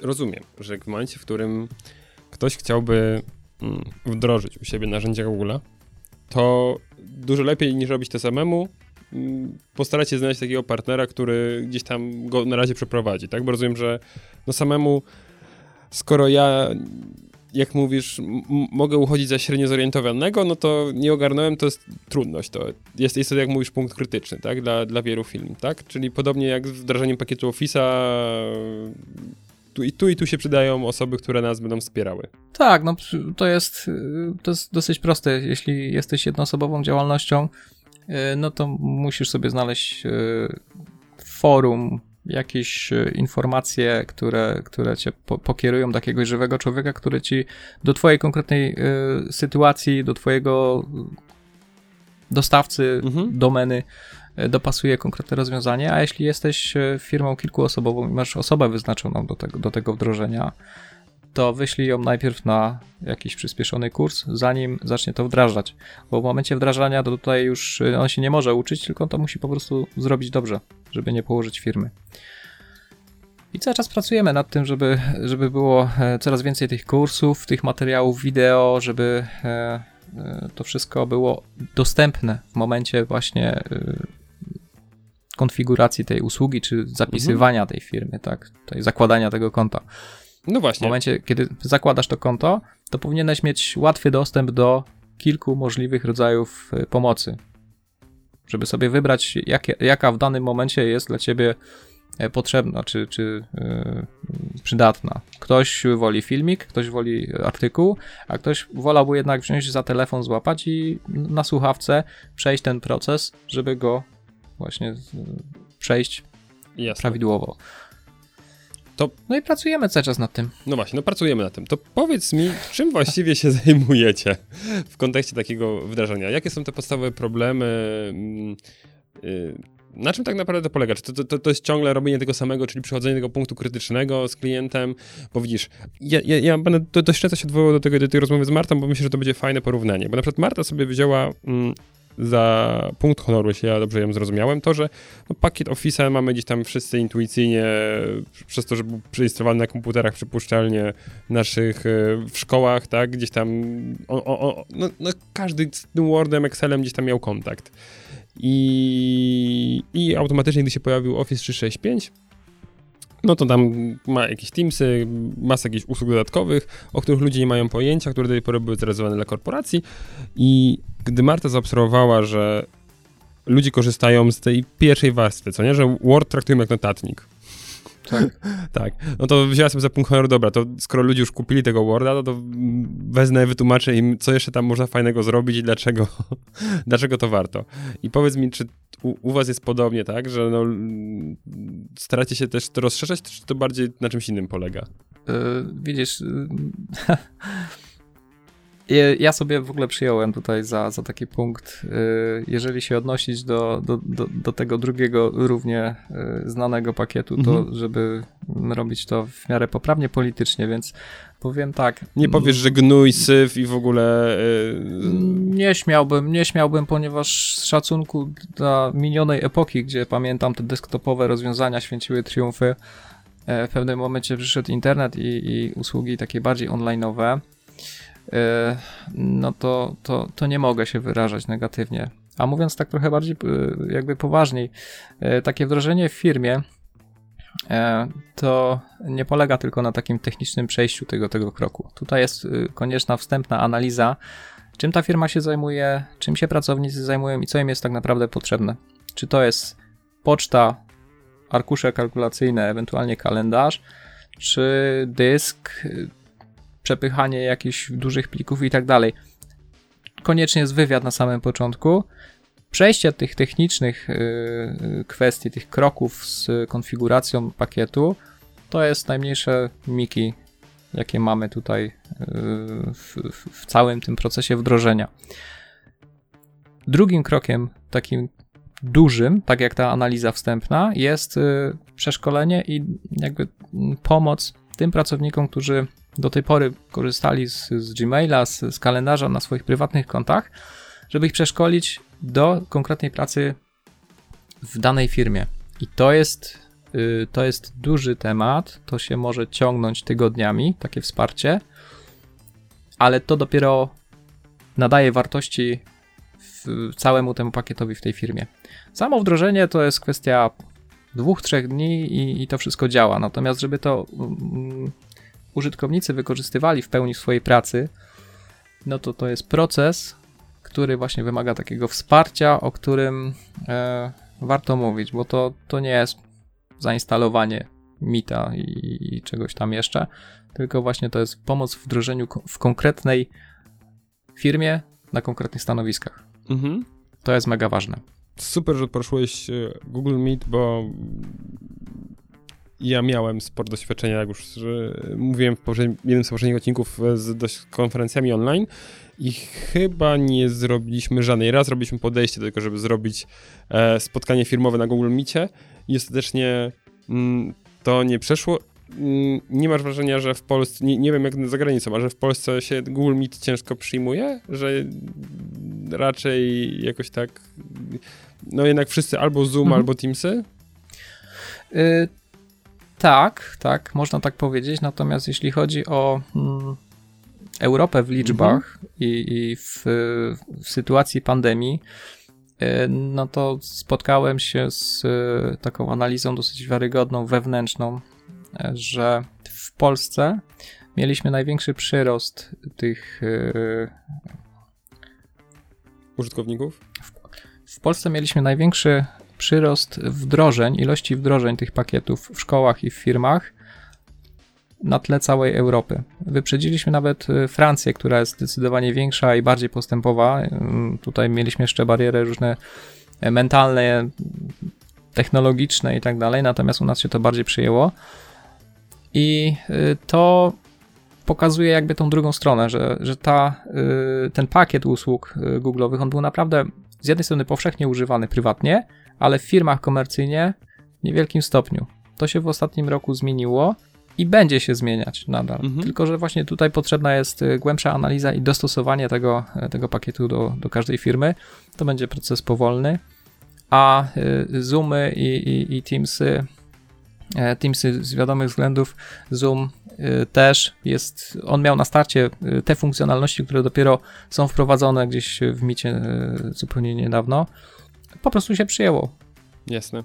No, Inne rozwiązanie. To, to też to, ta sama konstatacja, którą powiedziałem w rozmowie z Martem odnośnie mm, Teamsów, tak, że Zoom jest aplikacją do spotkań i tylko do spotkań, więc wiadomo, że no tutaj będzie zawsze miał przewagę nad wszystkim, co jest częścią jakiegoś kombajnu.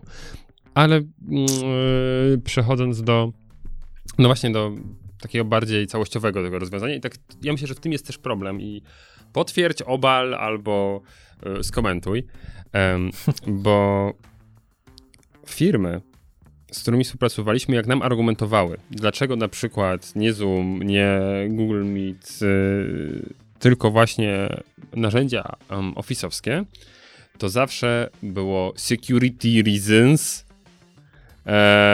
i że to jest e, dla nich e, bardzo ważne i że oni wdrożyli jaką politykę, no i że to, to, Office im gwarantuje to optymalne bezpieczeństwo. Ja nie mam pojęcia na temat szczegółów, tak? Nie wiem, czy to, to chodzi o kwestię umiejscowienia serwerów, gdzie te dane są przechowywane, czy co.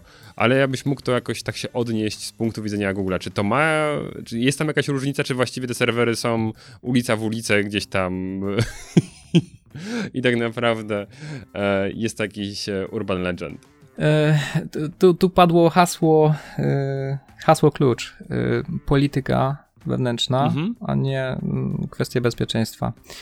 Jeśli chodzi o bezpieczeństwo, o, o, o, serwery, o zabezpieczenie danych w chmurze i przesłanie, przesyłanie tego wszystkiego, to jest na tym samym poziomie. Tu najsłabszym ogniwem jest ten końcowy użytkownik, który gdzieś tam zapisuje sobie hasło na, na fiszkach czy coś takiego. Admin, admin. Tak, lokalizacja serwerów to jest, to jest też taki trochę drażliwy temat, bo mm, regulacje pewne prawne, one się y, rozbiegają, rozmijają troszkę z naszym postępem technologicznym. I tu mogę podać taki przykład, mhm. Y, już nie wchodząc głęboko w szczegóły, ale y, pewne dane nasze, one nie są składowane na, na jednym czy na kilku serwerach, tylko one są rozczłonkowane i są rozrzucone. I to w taki sposób, że mm, no, to zapewnia maksymalne bezpieczeństwo, że te backupy też są w różnych częściach i tak dalej, więc nawet jeśli e, pół Syberii spłonie i gdzieś tam się znalazły cząstkowe nasze dane, to one są zbackupowane zupełnie gdzieś indziej i są pobierane z wielu miejsc, tak żeby zapewnić to maksymalne bezpieczeństwo. No i teraz jak przychodzimy do regulacji prawnych, w których y, oczekuje się, że ten serwer on fizycznie będzie gdzieś w granicach jakiegoś państwa, no to ta technologia tak i robi trochę taką zawieszkę, no bo mhm. możemy to zrobić, możemy postawić y, serwer w Krakowie i będziemy tam trzymać te dane, no ale to historia nam już wielokrotnie pokazała, że to nie jest bezpieczne i optymalne, bo się mogą różne rzeczy stać. No i teraz te firmy one się dostosowują do tego prawa, tak mhm. tak można powiedzieć. Tutaj była, była jakaś dyrektywa, e, była jakaś decyzja Komisji e, Europejskiej mhm. E, co do przechowywania danych i gdzieś tam mm, przepływu za, za ocean. Te firmy też się dostosowują do tego, próbują dostosować, ale jednak stawiają na pierwszym miejscu to bezpieczeństwo i zabezpieczenie tych danych. To jest jednak ważne. I, i, I, tu bym w zasadzie na tym poprzestał, bo hmm, i tak najczęściej to użytkownik końcowy gdzieś klika, coś e, kasuje, coś źle zapisze, wyniesie. Więc tutaj nie rozwijałbym tego tematu e, bardziej, jeśli chodzi o kwestie bezpieczeństwa i, i zgodności. W firmach średniej wielkości, dużych firmach przyjęta jest pewna polityka prywatności. Mhm. Odpowiada za to konkretny człowiek i on ma głos decyzyjny. I teraz tak jak powie, że ta usługa absolutnie nie, bo to jest niezgodne z naszą ustaloną polityką i to musi być konkretnie na przykład Teams, to czy pracownicy lubią, czy nie lubią, czy im to tnie, czy nie tnie, po prostu mają się dostosować do tego i tyle. No ta, ta, tak najczęściej to z moich doświadczeń właśnie wygląda, tak, że ludzie nie za bardzo potrafią z tego korzystać, a a potem są gdzieś tam przymuszani. No i tutaj gigantyczny plus w kierunku, wiadomo, rozwiązań Google'a, które no są to myślę, że z mojej perspektywy potwierdź mi to, bo rozumiem, mhm. że środowisko ofisowskie z musu jest gdzieś tam ci znane, mimo że korzystasz na co dzień z Google'a. Tak, no z, z, obowiązku i też z obowiązku powiedzmy y, rodzicielskiego również gdzieś tam znam oba rozwiązania jakby to powiedzieć. E, to ja, ja ci podpowiem, jakby to powiedzieć. jak dla mnie, różnica jest w user experience. To jest totalnie to, że mam wrażenie, że produkty Microsoftu są projektowane bez spoglądania na tego użytkownika, co jest mu potrzebne, co ma gdzie, gdzie kliknąć, tylko po prostu nikt o tym nie myśli i wpierdzielimy wszystkie opcje naraz, co nie? I tam sobie człowieku wybierz, co nie? Masz wstążkę z milionem opcji i heja. A że nie, nie, nie wiesz, do czego służy na połowa, coś sobie źle poklikasz. A najlepsze jest to, że opcje, które są ci najbardziej potrzebne, zrobimy jeszcze taką zabawę i ponazywamy w taki sposób, żebyś totalnie nie miał pojęcia, że to jest, że to, jest to to, to, czego ty potrzebujesz, co nie? I tutaj myślę, że Excel będzie kluczowym narzędziem, które ma tak ponazywano niektóre funkcje, że po prostu odpada, co nie? A, a, a, to są takie, o, faktycznie tego potrzebowałem, co nie? Ale nie sądziłem, że to się nazywa jakoś tam ultra skomplikowanie. Tak, dokładnie, to, to yy, ten user experience, on jest yy, no, nie do pobicia, bo to mam, mam porównanie i to nie jest kwestia też przyzwyczajenia, tylko rzeczywiście mm, to się nie bierze znikąd. Y, jest też kwestia mm, tego, że te narzędzia one się zmieniają i mm, nawet jeżeli te zmiany w, w Google'owych narzędziach, tam w, w ikonach, czy w jakichś ustawieniach, czy w menu wrzucamy po prostu tak na rynek, to mm, są zbierane, pobierane dane na temat tego, czy to się przyjmuje, czy nie, czy z tego użytkownicy korzystają, czy nie. I to się nieustannie zmienia. To, o, to jest, to jest też dobra, e, dobre podsumowanie, że produkty Google'owe, one są w nieustającej becie. Tam cały czas się coś zmienia, coś znika, coś się pojawia, ale po, z perspektywy kilku, kilkunastu lat to widać, że to działa po prostu. Dużo, dużo rzeczy jest, y, z wielu funkcji rezygnuje Google, y, wiele y, różnych rozwiązań zamyka, likwiduje, mhm. powstają nowe. Pamiętamy Google Plus Prosimy o minutę ciszy dla Google+. Plus.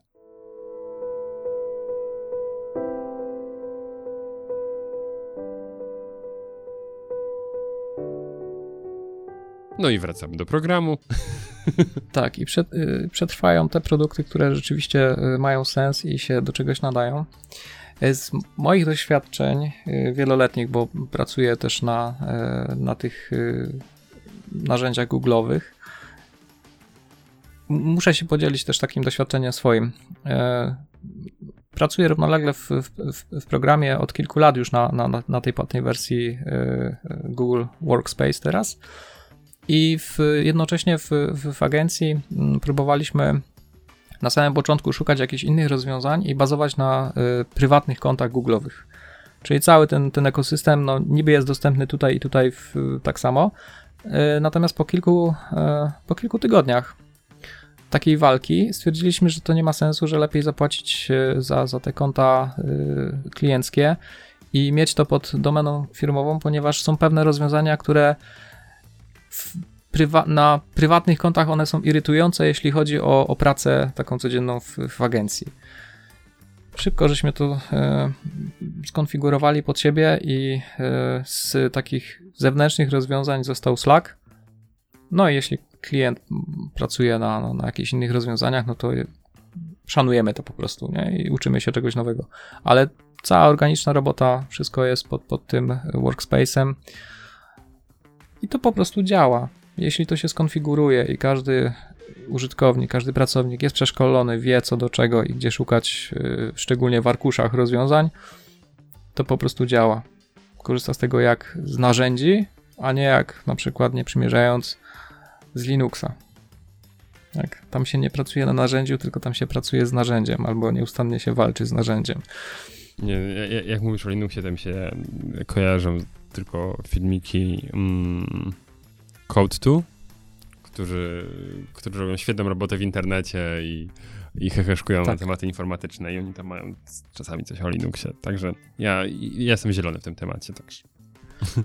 Ale oni oddają bardzo jakby tutaj rzeczywistość, troszkę jak aż dziennik, ale tak. jest, to, jest, to, jest to pr prawdziwe. To ja bym cię chciał zapytać o jedną rzecz. E, ja byś miał wskazać największą zaletę i największą wadę rozwiązań Google'a. To i, a, a, potem myślę, że przejdzie. Mówimy o pakiecie takim do korzystania firmowego, tak? No bo masz, masz, masz na to jakiś taki podgląd, więc co, co generalnie e, z twojej perspektywy ratuje firmom e, tyłek, a co jest na pewno rzeczą, jakbyś ty mógł, to na którą byście jeszcze popracowali, znaczy wyjścia, no na którą Google powinno popracować, tak? No bo rozumiem, mhm. że nie, nie ty personalnie. Tak, tak, tak. Nie miałbym odwagi. Yy, powszechność, powszechność, powszechność to jest po prostu coś, co mm, jest najsilniejszą mm, cechą tego, tego pakietu, pomimo jego pewnych niedoskonałości yy, czy ograniczeń. E, to jest tak jak, jak z WordPressem w, w krainie web developerów. Po prostu jest, po prostu działa i kto przychodzi do, do pracy i widział komputer na oczy, to jest w stanie zacząć pracę na, na, na tym. Tutaj nie musi się uczyć e, nie wiadomo czego. Natomiast proces wdrożenia to jest rzecz, która e, jeszcze musi zostać dopracowana i jest to, to nie jest łatwe ani proste. Y, jeśli chodzi o y, jakiekolwiek zmiany, bo jesteśmy ograniczeni technologicznie. Y, jestem bardzo ciekawy, co, co stanie się z, jakby tutaj z, z, tym, z tym procesem wdrożenia, bo na pewno zostanie ułatwi, uproszczony. W którym kierunku to pójdzie, nie mam pojęcia, ale tak. Wdrożenie najbardziej boli zawsze i wszędzie. Pod względem technicznym, jak i tutaj już przejście na, na, tą, mm, na tą politykę zarządzania danymi na przykład, tak, czyli te, te udostępnianie i, i kontrola mm, pewnych plików danych to też jest rzecz, która y, nastręcza na samym początku y, trudności. Mówię tu o, o na przykład udostępnianiu danych z dysku, kiedy wysyłamy do klienta maila i on czegoś nie potrafi otworzyć bo nie ma uprawnień. Mm-hmm. To, to są też jeszcze takie rzeczy, które y, nie są do końca intuicyjne, nie zawsze. Tak, to potwierdzam, bo takie coś rzeczy, że się zdarzają, tak? Że je, Zdarza się, tak. Że bardzo często jak potrzebuję dostęp do arkusza albo coś, to pojawia mi się zamiast arkusza przycisk poproś o dostęp. Ale to też jest dobrze, że to się pojawia, poproś o dostęp, bo na przykład e, no to to opowiadałem, ale że Teamsy generalnie wzięły i zniszczyły mi cały pakiet Office prawie. bo nie masz dostępu, koniec. Tak, tak. No, jest... dobra. To ja chciałem przejść trochę dalej, bo właśnie jak mówimy, że narzędzia ogólowskie, to chyba, że Mateusz tutaj sobie coś życzy odnośnie ten, bo Mateusz ma Office'a czy 6.5, ostatnio się przyznał. Nie, nie, ja mam inne tematy marketingowe, także możecie smutne. poczekać. słuchacze, jeżeli by was bardziej będą one interesowały. Dobrze, dobrze, to właśnie dojdziemy. No bo my, Marku, się poznaliśmy przy okazji mm, wystąpienia mm, przed młodzieżą i ono dotyczyło ogólnie, jeśli ja nie pamiętam, internetów, robienia biznesu i tak, tak, tak Przedsiębiorczość, przedsiębiorczości, takie, takie, takie, takie, takie tam były tematy. I ja się wtedy dowiedziałem, że ty działasz w internetowych rewolucjach. Działasz, działałeś?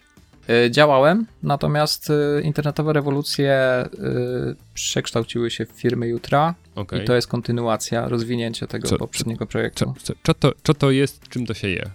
Firmy jutra. No zmieniła się troszeczkę konwencja. Weszliśmy przede wszystkim 100% online. Tutaj była szybka reakcja na, na to, co się w zeszłym roku stało. Jeśli chodzi o taki support przedsiębiorców na rynku, to zmieniło się bardzo niewiele, bo nadal każdy przedsiębiorca może się do projektu firmy Jutra e, zgłosić, zarejestrować i uzyskać wsparcie e, nie tylko jeśli chodzi o, o produkty Google'owe, ale ogólnie o, o marketing e, w internecie. Poszerzyliśmy trochę materiały edukacyjne o takie unikalne filmiki edukacyjne, o, o materiały, które przesyłamy też w, w, trakcie tego udziału w projekcie. Troszkę się to w ten sposób rozwinęło, czyli mamy więcej do zaoferowania materiałów, E, ta współpraca jest troszkę dłuższa. 6 e, tygodni takiego intensywnego kursu e, z narzędzi Google'owych, później jeszcze 3-miesięczne wsparcie takiego doradcy i dodatkowo jeszcze mamy dyżury co tydzień, na które też przedsiębiorcy zarejestrowani do, do, do projektu mogą wpadać i pytać i, i rozwiązywać swoje problemy.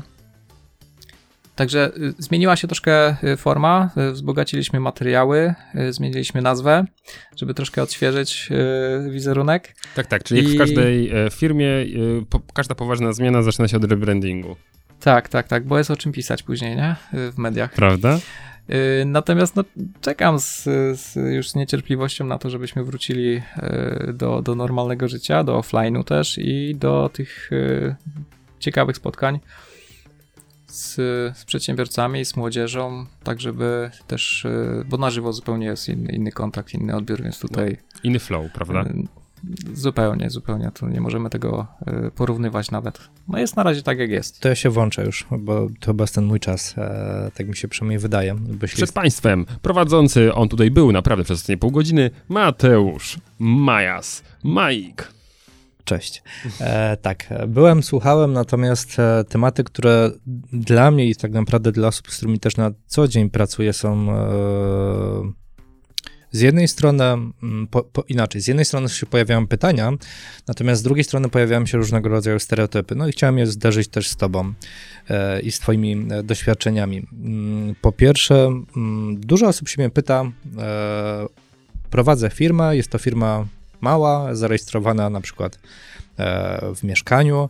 I czy jest sens, żebym zakładał, zakładała mapkę Google'ową, no bo nie chciałabym, nie chciałbym, żeby ktoś mi przyszedł do domu. Tak, to jest, y, to jest poważna rozterka, która gdzieś tam y, jest z tyłu głowy.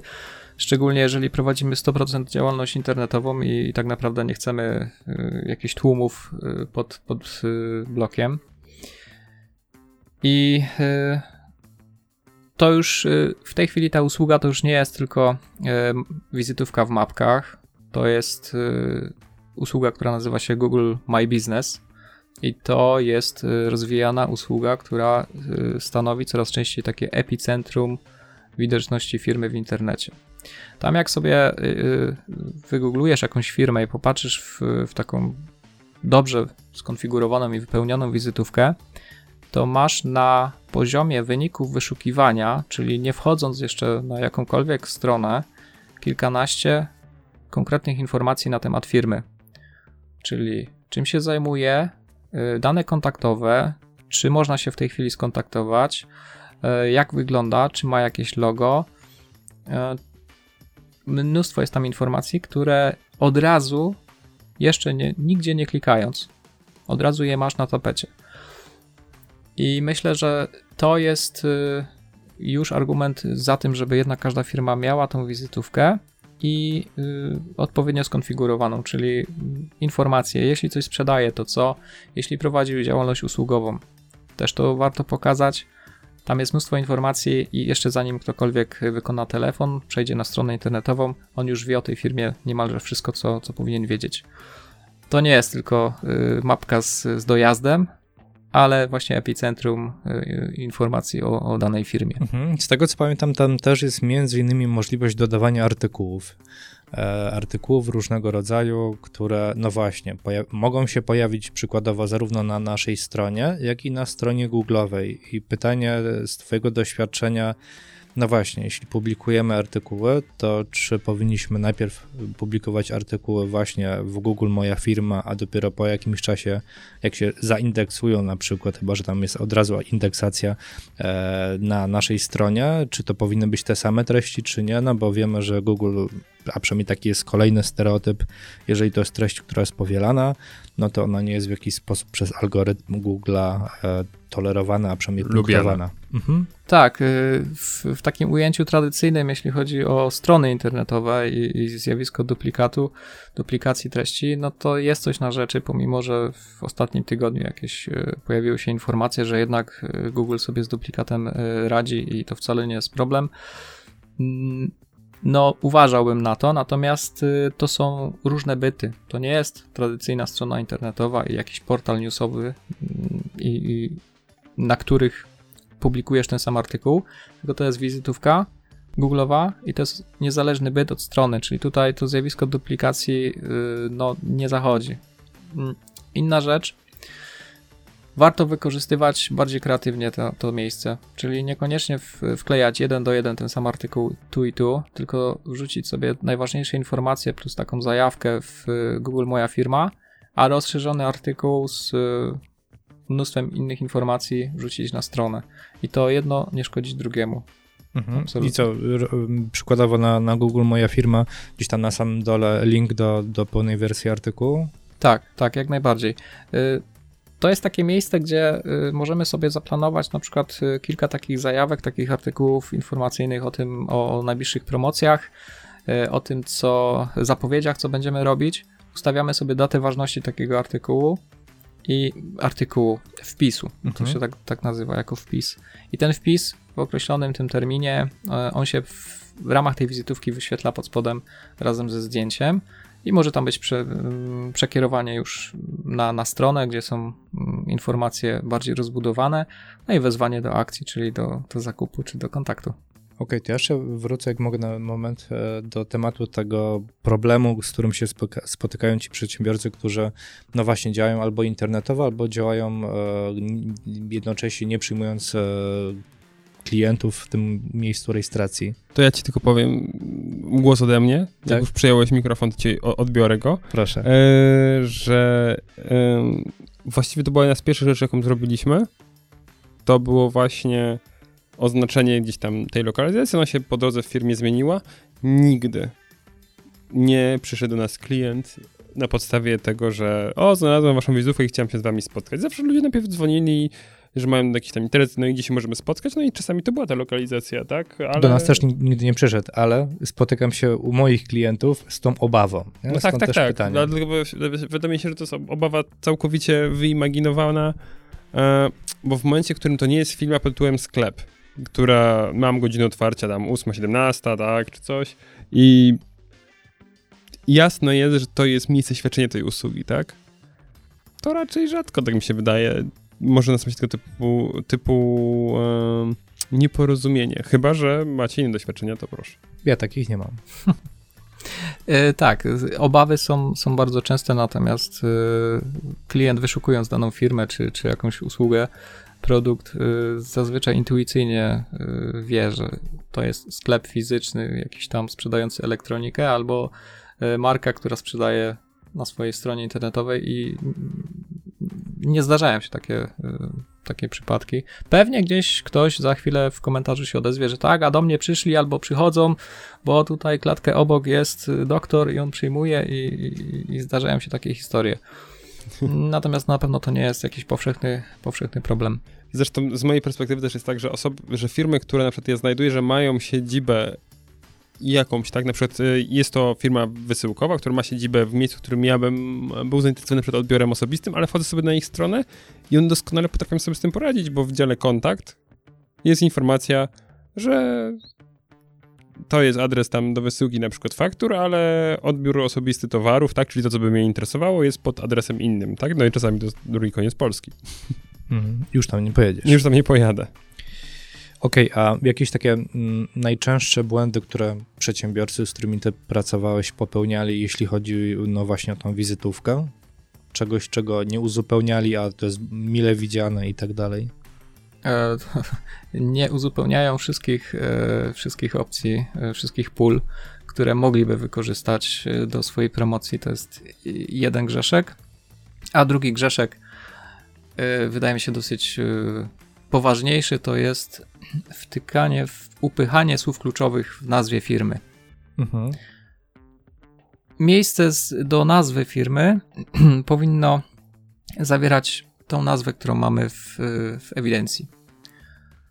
Jeżeli koniecznie chcemy y, te słowa kluczowe y, umieścić tam, to łatwiej jest chyba y, zmienić nazwę firmy w ewidencji niż, niż, niż to upychać bo prędzej czy później to się i tak źle skończy.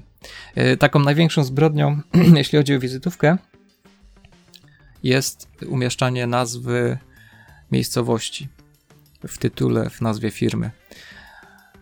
To jest, e, to jest rzecz zupełnie bez sensu i jest sprzeczna z, z zasadami, ponieważ no, mamy podany poniżej adres, na podstawie którego algorytmy dostosowują tutaj ten promień wyświetlenia tej wizytówki i to nie jest konieczne dodawanie jeszcze tego, e, tej nazwy miejscowości. Mhm.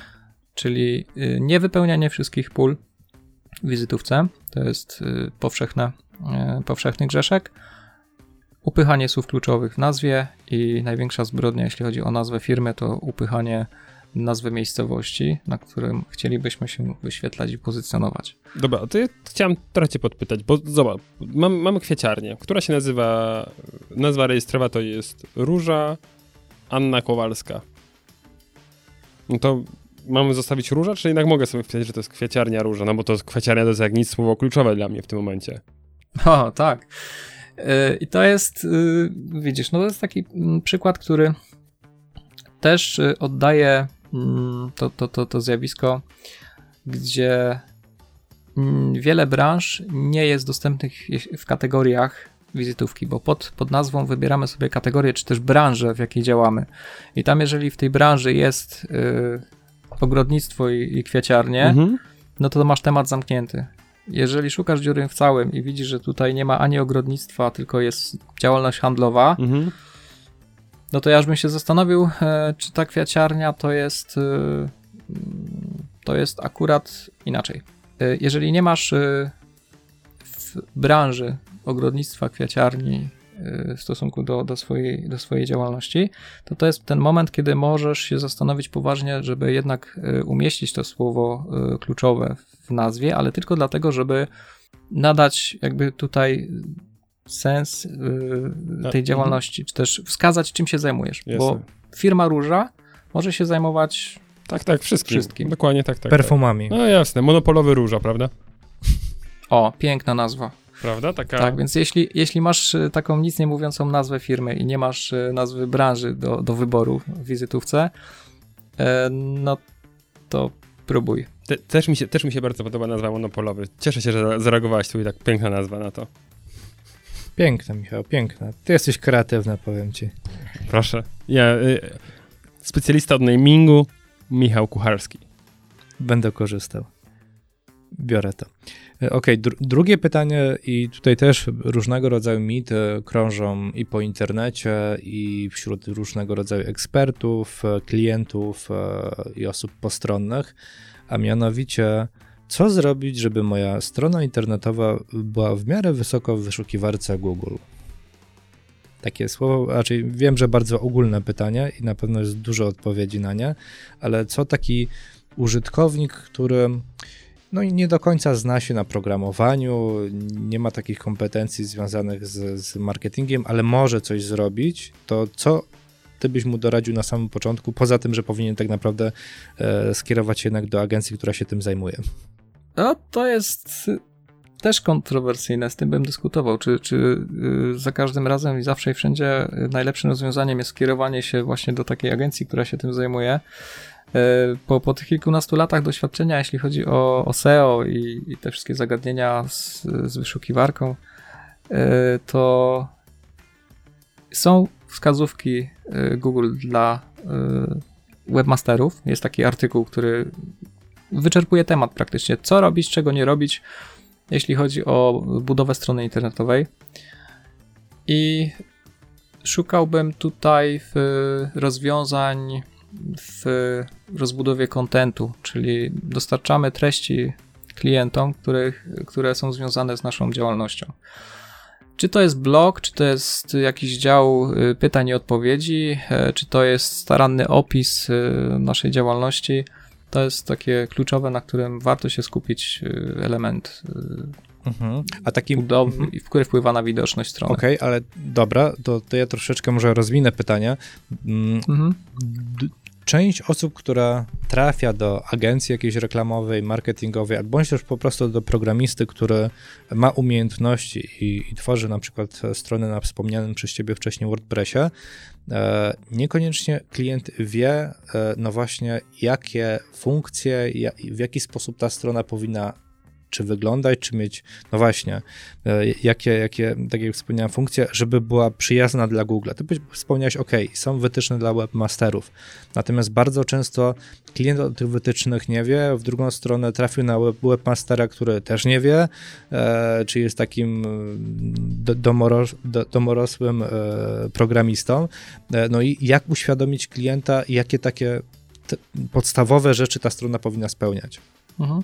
E, tak, no to jest taki problem mm, dotyczący dostępności tych wszystkich, e, tej wiedzy i tych informacji, które e, powinien na starcie dostać. W momencie, kiedy mm, wejdzie w ekosystem mm, Google My Business, to już tam ma pierwsze odnośniki do tego, do tych informacji, jak może tą wyszukiwarkę wykorzystać w taki optymalny sposób i tutaj mamy też w, stopce są linki do praktycznie wszystkich y, tych informacji z, i z, y, związanych z usługami płatnymi, jak i darmowymi, więc tutaj wystarczy rozejrzeć się też po, po tych stronach y, dotyczących firmy i znajdziemy prędzej czy później te linki. Jeśli chodzi o, o takie dobre praktyki y, związane z budową strony internetowej, która ma y, zajmować jakieś czołowe y, pozycje w wyszukiwarce, E, to oprócz tej, e, tego artykułu e, z podstawowymi informacjami, jak, co robić i czego unikać, warto zwrócić uwagę na, na content, na nagłówki i tytuł strony, czyli ten taki najważniejszy nagłówek, taki Uber no, nagłówek wszystkich nagłówków, wszystkich podstron, czyli na stronie głównej mamy, mamy tytuł strony. To jest jeden z takich najważniejszych miejsc, gdzie można oprócz tej nazwy marki, doprecyzować, czym się zajmujemy. Czyli mówiąc prost, możemy tutaj poszukać takie słowa kluczowe, które są wyszukiwane w naszej branży i tam to na, samym, na samej górze mm, w pierwszej kolejności umieścić, no i później nazwę brandu. E, kolejna rzecz to jest e, struktura witryny. To jest e, mega ważna rzecz. Dobrze sobie jest wziąć na kartce, rozpisać, co na tej stronie chcemy pokazać, czyli prezentacja firmy, prezentacja oferty, produkty, jeżeli są produkty, to kategorie, odpowiednio je ponazywać, też z uwzględnieniem tych słów kluczowych, które użytkownicy wyszukują z naszej branży i sobie normalnie grafem rozpisać yy, strzałkami, jak to menu ma wyglądać, ile tych kliknięć yy, użytkownik musi wykonać od wejścia na stronę do realizacji te, tego celu, który sobie zakładamy, czyli sprzedaż czy też kontakt. I taka poprawna struktura tego menu, ona też pozwala na mm, pozycjonowanie nie tylko tej domeny, ale też podstron, które zawierają już konkretne rozwiązanie problemu, z którym przychodzi użytkownik do wyszukiwarki Google. Czyli szuka nie butów, ale konkretnych, konkretnego modelu Adidasów, to on powinien się znaleźć od razu na podstronie z Adidasami, a nie na naszej stronie głównej, gdzie tam dopiero wyszukuje E, to, tego produktu, który, który szuka. To od, razu, ta struktura. Mhm, to od razu pytanie, e, no właśnie, i, i przy, przykład tego, żeby, żeby kogoś przekierować na tą stronę tego konkretnego obuwia, e, nawet pod względem konkretnej nazwy, czy bo wiem, że też dużo osób o tym zapomina. Odpowiednie nazywanie zdjęć to też ma wpływ na Google? Na Google jak na Google, ale na, na wyszukiwanie kobiet y, bardzo. Znaczy, mhm. w, mówię teraz nie o wyszukiwaniu kobiet przez mężczyzn, tylko korzystaniu przez kobiety z wyszukiwarki. Mhm. E, bardzo często wyszukując jakichś produktów, kobiety korzystają z wyszukiwarki grafiki. Czyli wpisują sobie zapytanie związane z jakimś produktem i przechodzą do wyszukiwarki grafiki.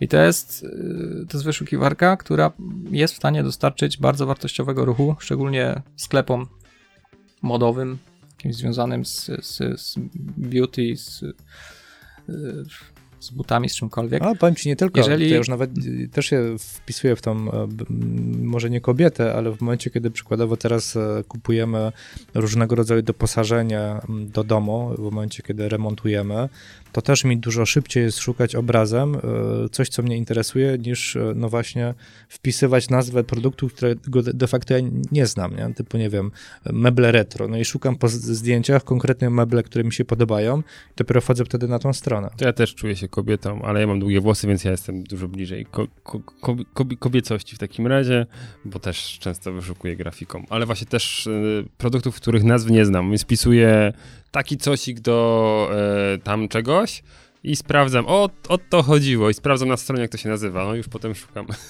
drugi raz. Tak, tak, tak. To jest y, też y, taka wskazówka, że te nazwy grafik i nazwy zdjęć y, warto nazywać też umieszczając spokojnie te ogólne słowa kluczowe, uh-huh. typu właśnie czerwone buty na podeszwie i tak dalej. Model jak najbardziej. To, mm, to się umieszcza w, w takich metatagach e, w, w title dotyczących zdjęcia i w altach. Ten alt to jest taki krytyczny ten metatag. Jak, jak ktoś tam e, zaglądał w kod źródłowy swojej strony, to, to, to może wypatrzeć właśnie, że grafika ma kilka metatagów, czy też może mieć i tam jest innymi alt, czyli tekst alternatywny opisujący co jest na zdjęciu. I to warto uzupełniać, tak żeby właśnie ta grafika się pozycjonowała w, w tej y, wyszukiwarce grafiki. Mega ważna rzecz. Są takie rzeczy, które dla mnie są y, bardzo oczywiste i, i mogę właśnie nie myśleć w pierwszej kolejności o nich, czyli tak jak tutaj y, wspomniałeś o tych, o tych zdjęciach, zazwyczaj skupiamy się na treści, czyli na tekście. Mhm. To, że strona powinna być responsywna, nie? To też jest w zasadzie taka rzecz oczywista, a wchodząc tak. do internetu czasami zdarza się, że te strony na urządzeniach mobilnych no, nie wyglądają najlepiej.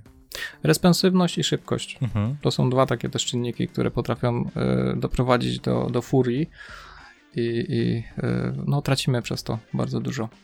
Mhm. Okej, okay, no i to, to, może ostatnie moje pytania, chociaż to chyba już bardziej też do programisty powinien zadać, e, bo strony bardzo często dobrze wyglądają, są zrobione na WordPressie, natomiast panuje taki stereotyp, że no, w związku z tym, że to już jest strona postawiona na WordPressie, to jest mało prawdopodobne, że ona będzie szybka. Na tyle, żeby pojawiła się na zielono w narzędziu Google'owym, które weryfikuje między innymi temat związany Page z speed. Dokładnie, z szybkością funkcjonowania strony i czy faktycznie tak jest? Znaczy, WordPress jest kombajnem, który w, w, takim, w tej takiej pierwszej, pierwotnej e, instalacji on, zajm, on ma bardzo dużo różnych e, funkcji, rozwiązań dostępnych, często niepotrzebnych i ma gotowe szablony, które są zoptymalizowane, ale są, potrafią być ciężkie. Potrafią być ładne, bo tu mamy te, te slidery, mamy duże banery, kompletnie niepotrzebne do niczego i to trzeba niestety zoptymalizować i przyłożyć się do tego. Ja się e, wysługuję zazwyczaj programistami, którzy wiedzą o co chodzi, ja tylko mówię, co, co wykasować i co ma e, być usunięte, a co potrzebujemy i, i czego ma nie ruszać. No i on już jakoś magicznie to e, robi. I tu też mała uwaga, mm, jest bardzo dużo wtyczek i rozwiązań takich, które optymalizują, tak? ale te wtyczki nigdy nie działają w taki sposób, w jaki byśmy chcieli. One działają na zasadzie tych programików takich do Windowsa, przyspiesz swojego Windowsa o 1000%. Tak, tak. Więc to mniej więcej chodzi o to samo, że tylko pożera więcej RAMu i, i niewiele daje. Więc y, to trzeba odchudzić i patrzeć na tą prędkość. A jeżeli ktoś ma jakieś wątpliwości, że, że ta prędkość nie jest taka istotna, to też warto wyjść gdzieś na spacer poza centrum miasta albo gdzieś się przejechać. Parę kilometrów wystarczy czasem odjechać i spróbować coś poszukać i załadować sobie swoją stronę na, na telefonie. Tu się dopiero oczy otwierają, jak to potrafi działać, bo siedząc w domu na, na wodzie, na poważnym komputerze, tutaj wszystko zawsze będzie dobrze chodzić, nie? Mhm. E, no właśnie, a propos e, Page e, Speeda. Speed Insight, no. Proszę? Page Speed Insights, tak, no, tak, jest tak, coś takiego. No, jest, jest, jest. To jest takie narzędzie, z którego często ludzie korzystają, żeby sobie, mm, no, jeśli nie korzystają, to polecamy, nie polecamy, jak u, żeby sobie sprawdzić, jak wasza strona jest przez Google lubiana. I ja zawsze się e, e, może nie wkurzam, ale irytuje, że wiadomo, gdzieś tam na, na deskopie mamy fajne wyniki, a na mobilu mówię strasznie słabe, ale właśnie podbudowałem swój wynik. Co byś powiedział o stronie, która ma 52 na komórkach wynik, a na komputerach 99? No, że coś było grzebane, jeśli chodzi o tą wersję y, desktopową pewnie. 99 y, pewnie ma dlatego, że ma jakiś kod Analyticsa zainstalowany, czy, czy jakikolwiek y, jeszcze dodatkowy kod. Ciężko jest 100% wyciągnąć, prawda? Wyciągnąć, tak. A bo to są. Tak. To, to, to, ja zdradzę moje trollowanie, to są wyniki, gdy na page na developers.google.com na speed page speed wpisze się google.com to właśnie 99 ma na komputerach, a na komórkach wychodzi mu 52. Także ja się cieszę, że nawet Google nie jest zoptymalizowany pod komórki, także samo siebie nie ocenia na 100% i tu, i tu. Nie, nie, nie. To, taki to taki trolling. Z y- butów chodzi, to, to jest tak. Y, ja bym patrzył na, y, na te wyniki przez pryzmat otoczenia, w którym funkcjonujemy. Bo to jest bardzo ważne, żeby. Czyli co, stron konkurencji? Nie, tak, tak, żeby się nie, nie jakby zawieszać na tym, że nie mam setki, więc mogę zwijać interes. bo jeżeli mam e, prostą stronę informacyjną, że świadczę usługi szewskie pod tym adresem i, i to jest tyle, to zawsze będziemy mieć wyższy wynik niż e, platforma sprzedająca 100 tysięcy produktów i czy też wszystko zależy od tego, jaki, w jakiej branży działamy i w jakim otoczeniu. Są branże, które są na przykład zapóźnione o dekadę i mają strony tragiczne i wystarczy postawić poprawną stronkę, która będzie miała ten wynik 60-70 i on będzie rewelacyjny na, na tle konkurencji. Bo to, to nie jest taki, taki wyznacznik y, zupełnie obiektywny, działający w izolacji. Mhm. Działamy okay. w jakimś otoczeniu, konkurujemy z konkretnymi serwisami, no i musimy jednak uwzględniać to, że y, one są takie, jakie są. Okej. Okay. No właśnie, to, to jest też przykład mojej branży, gdzie mi jest ciężko wyciągnąć te wyniki aż do zielonego, ale konkurencja ma gorzej. No, I, i, analizując Google'a, musisz przyznać, że oni mogą mieć na to wyrąbane, no bo gdzie mają konkurencję? W Bingu? Proszę? Gdzie jest konkurencja dla Google'a? tak, tak, dokładnie. No, no, śmieję się, prawda, że, że pod tym względem na pewno nie, ale mm, przechodząc y, trochę dalej. Strasznie dużo dzisiaj mówimy o SEO, tak mam no, wrażenie. No, a... tak druga połowa nam, nam tak y, SEO wyszła. Co jeszcze o Google powinniśmy cię zapytać, e, a, a, o co nie zapytaliśmy? Bo no, jak, jak stwierdziliśmy na samym początku, no jest to gigantyczny kombine, tak? I to jest kompleksowy system, cały ekosystem tak naprawdę do obsługi firm. Czy jest coś jeszcze, co zdecydowanie mm, jest warte uwagi, o czym nie wspomnieliśmy? Znaczy, no to, co jest, warte pytanie jeszcze kolejnego wspomnienia, tak, tak, tak. E, mhm. Wspominaliśmy już dzisiaj o firmach jutra i tutaj e, naprawdę pół żartem, pół serio, ale mm, z tym kombajnem jest taki problem, że mm, on jest mm, tak wszechstronny, ma tyle rozwiązań, tyle usług, że prawdziwym problemem jest świadome wykorzystanie tego, co oferuje. I do tego świadomego wyboru właśnie potrzebna jest y, wiedza i doświadczenie, które oferujemy w firmach jutra. Strasznie nachalnie w tej chwili brzmie reklamowo, ale mm, to się nie wzięło znikąd. Po prostu gdzieś w badaniach wyszło, że mamy super usługi, super narzędzia i one są wykorzystywane w kilku procentach, no bo ludzie po prostu nawet sobie nie zdają sprawy z tego, że mogą w taki sposób to wykorzystać, nie? No i tutaj już niestety wchodzi czynnik ludzki, czyli nas, doradców w tym programie, którzy po prostu w rozmowie jeden na jeden są w stanie powiedzieć tak, to jest dobra droga, w tym pomocne ci są te narzędzia, ale w tym narzędziu masz konkretne rozwiązania, yy, konkretne funkcje, z których spróbuj, przetestuj i, i wykorzystaj, nie? Okay. To jest problem. To kilka razy zresztą dzisiaj wybrzmiało z, z tego, co widziałem, że yy, dostęp do właściwych informacji i wiadomości w, we właściwym czasie. Czyli tak jak się zawiesiłeś w, mhm. w, na pewnym kroku, gdybyś w tym momencie miał dostęp do informacji, które są, no to wszystko jest wytłumaczone. To, to, to, są artykuły, są filmiki, jest wszystko, ale właśnie odpowiednia dostępność w odpowiednim czasie, nie? To jest prawdziwe wyzwanie. No, gdyby, gdybyś miał do tego dostęp, no to y, poradziłbyś sobie z tym spokojnie i dzisiaj korzystał z Workspace'a i był uszczęśliwiony i spełniony. Gdyby ktoś z naszych milionów słuchaczy był zainteresowany wdrożeniem e, u siebie narzędzi Google'a i chciał poszerzyć swoją wiedzę na ten temat, będzie może nawet się z kimś skonsultować, to gdzie powinien cię szukać? No tak, dobre pytanie. E, firmyjutra.pl to jest program Google'owy. Na mnie prywatnie można bardzo łatwo wygooglać, e, czy na mediach społecznościowych e, lubię takie bezpośrednie relacje, e, bądź też na stronie koalamarketing.pl. Tam już działamy od, od dłuższego czasu w ekipie i pomagamy. Pomagamy rozwiązywać problemy. Super. Dobra. Tak trochę coachingowo to zabrzmiało rozwiązujemy problemy? Nie, to zabrzmiało jak właśnie Krzysztof y, Jarzyna ze Szczecina na przykład, tak? On też tak. rozwiązuje problemy. Przychodzisz? Pomagamy rozwiązywać problemy. Tak. Ma pan problem? Trudnymi ludźmi. Dokładnie. Ma pan problem? No to już nie. Pięknie. Piotrze, pozdrawiamy. Tak, tak, pozdrawiamy Piotra. E, przy okazji, e, ponad dwie godziny rozmawialiśmy. Nie wiem, ile z tego wyjdzie nam w odcinku, ale zdecydowanie myślę, że jeśli ktoś z Was chciał poszerzyć swoją wiedzę na temat narzędzi Google'a i też ich blasków i cieni, to myślę, że tutaj dzisiaj zdecydowanie się to udało.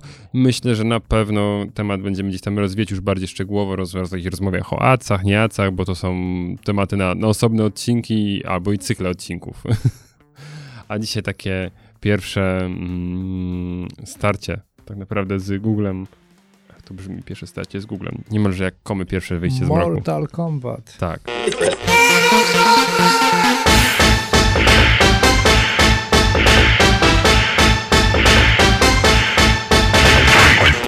Mm, Mamy za sobą pierwsze starcie z Googlem w takim razie. Um, wiemy, jak znaleźć Marka. E, linki do, do, do, do, do tutaj wszystkich rzeczy podamy w opisie odcinka. No i co? Dziękujemy Wam bardzo, słuchacze, za wysłuchanie. Tak? Mateusz, coś jeszcze chcesz dodać? Nie, dziękujemy. Dziękujemy. E, Dzisiaj przy mikrofonach byli Michał Kucharski, Mateusz Majk. I Marek Płatek. a nieobecny był. Piotr Łysko! Cześć, trzymajcie się, do usłyszenia. Cześć. Cześć. Przedsiębiorcy z wyboru. Podcast dla naznaczonych biznesem. Porady, studium przypadków, nowinki, analizy, dyskusje, rozmowy, opinie.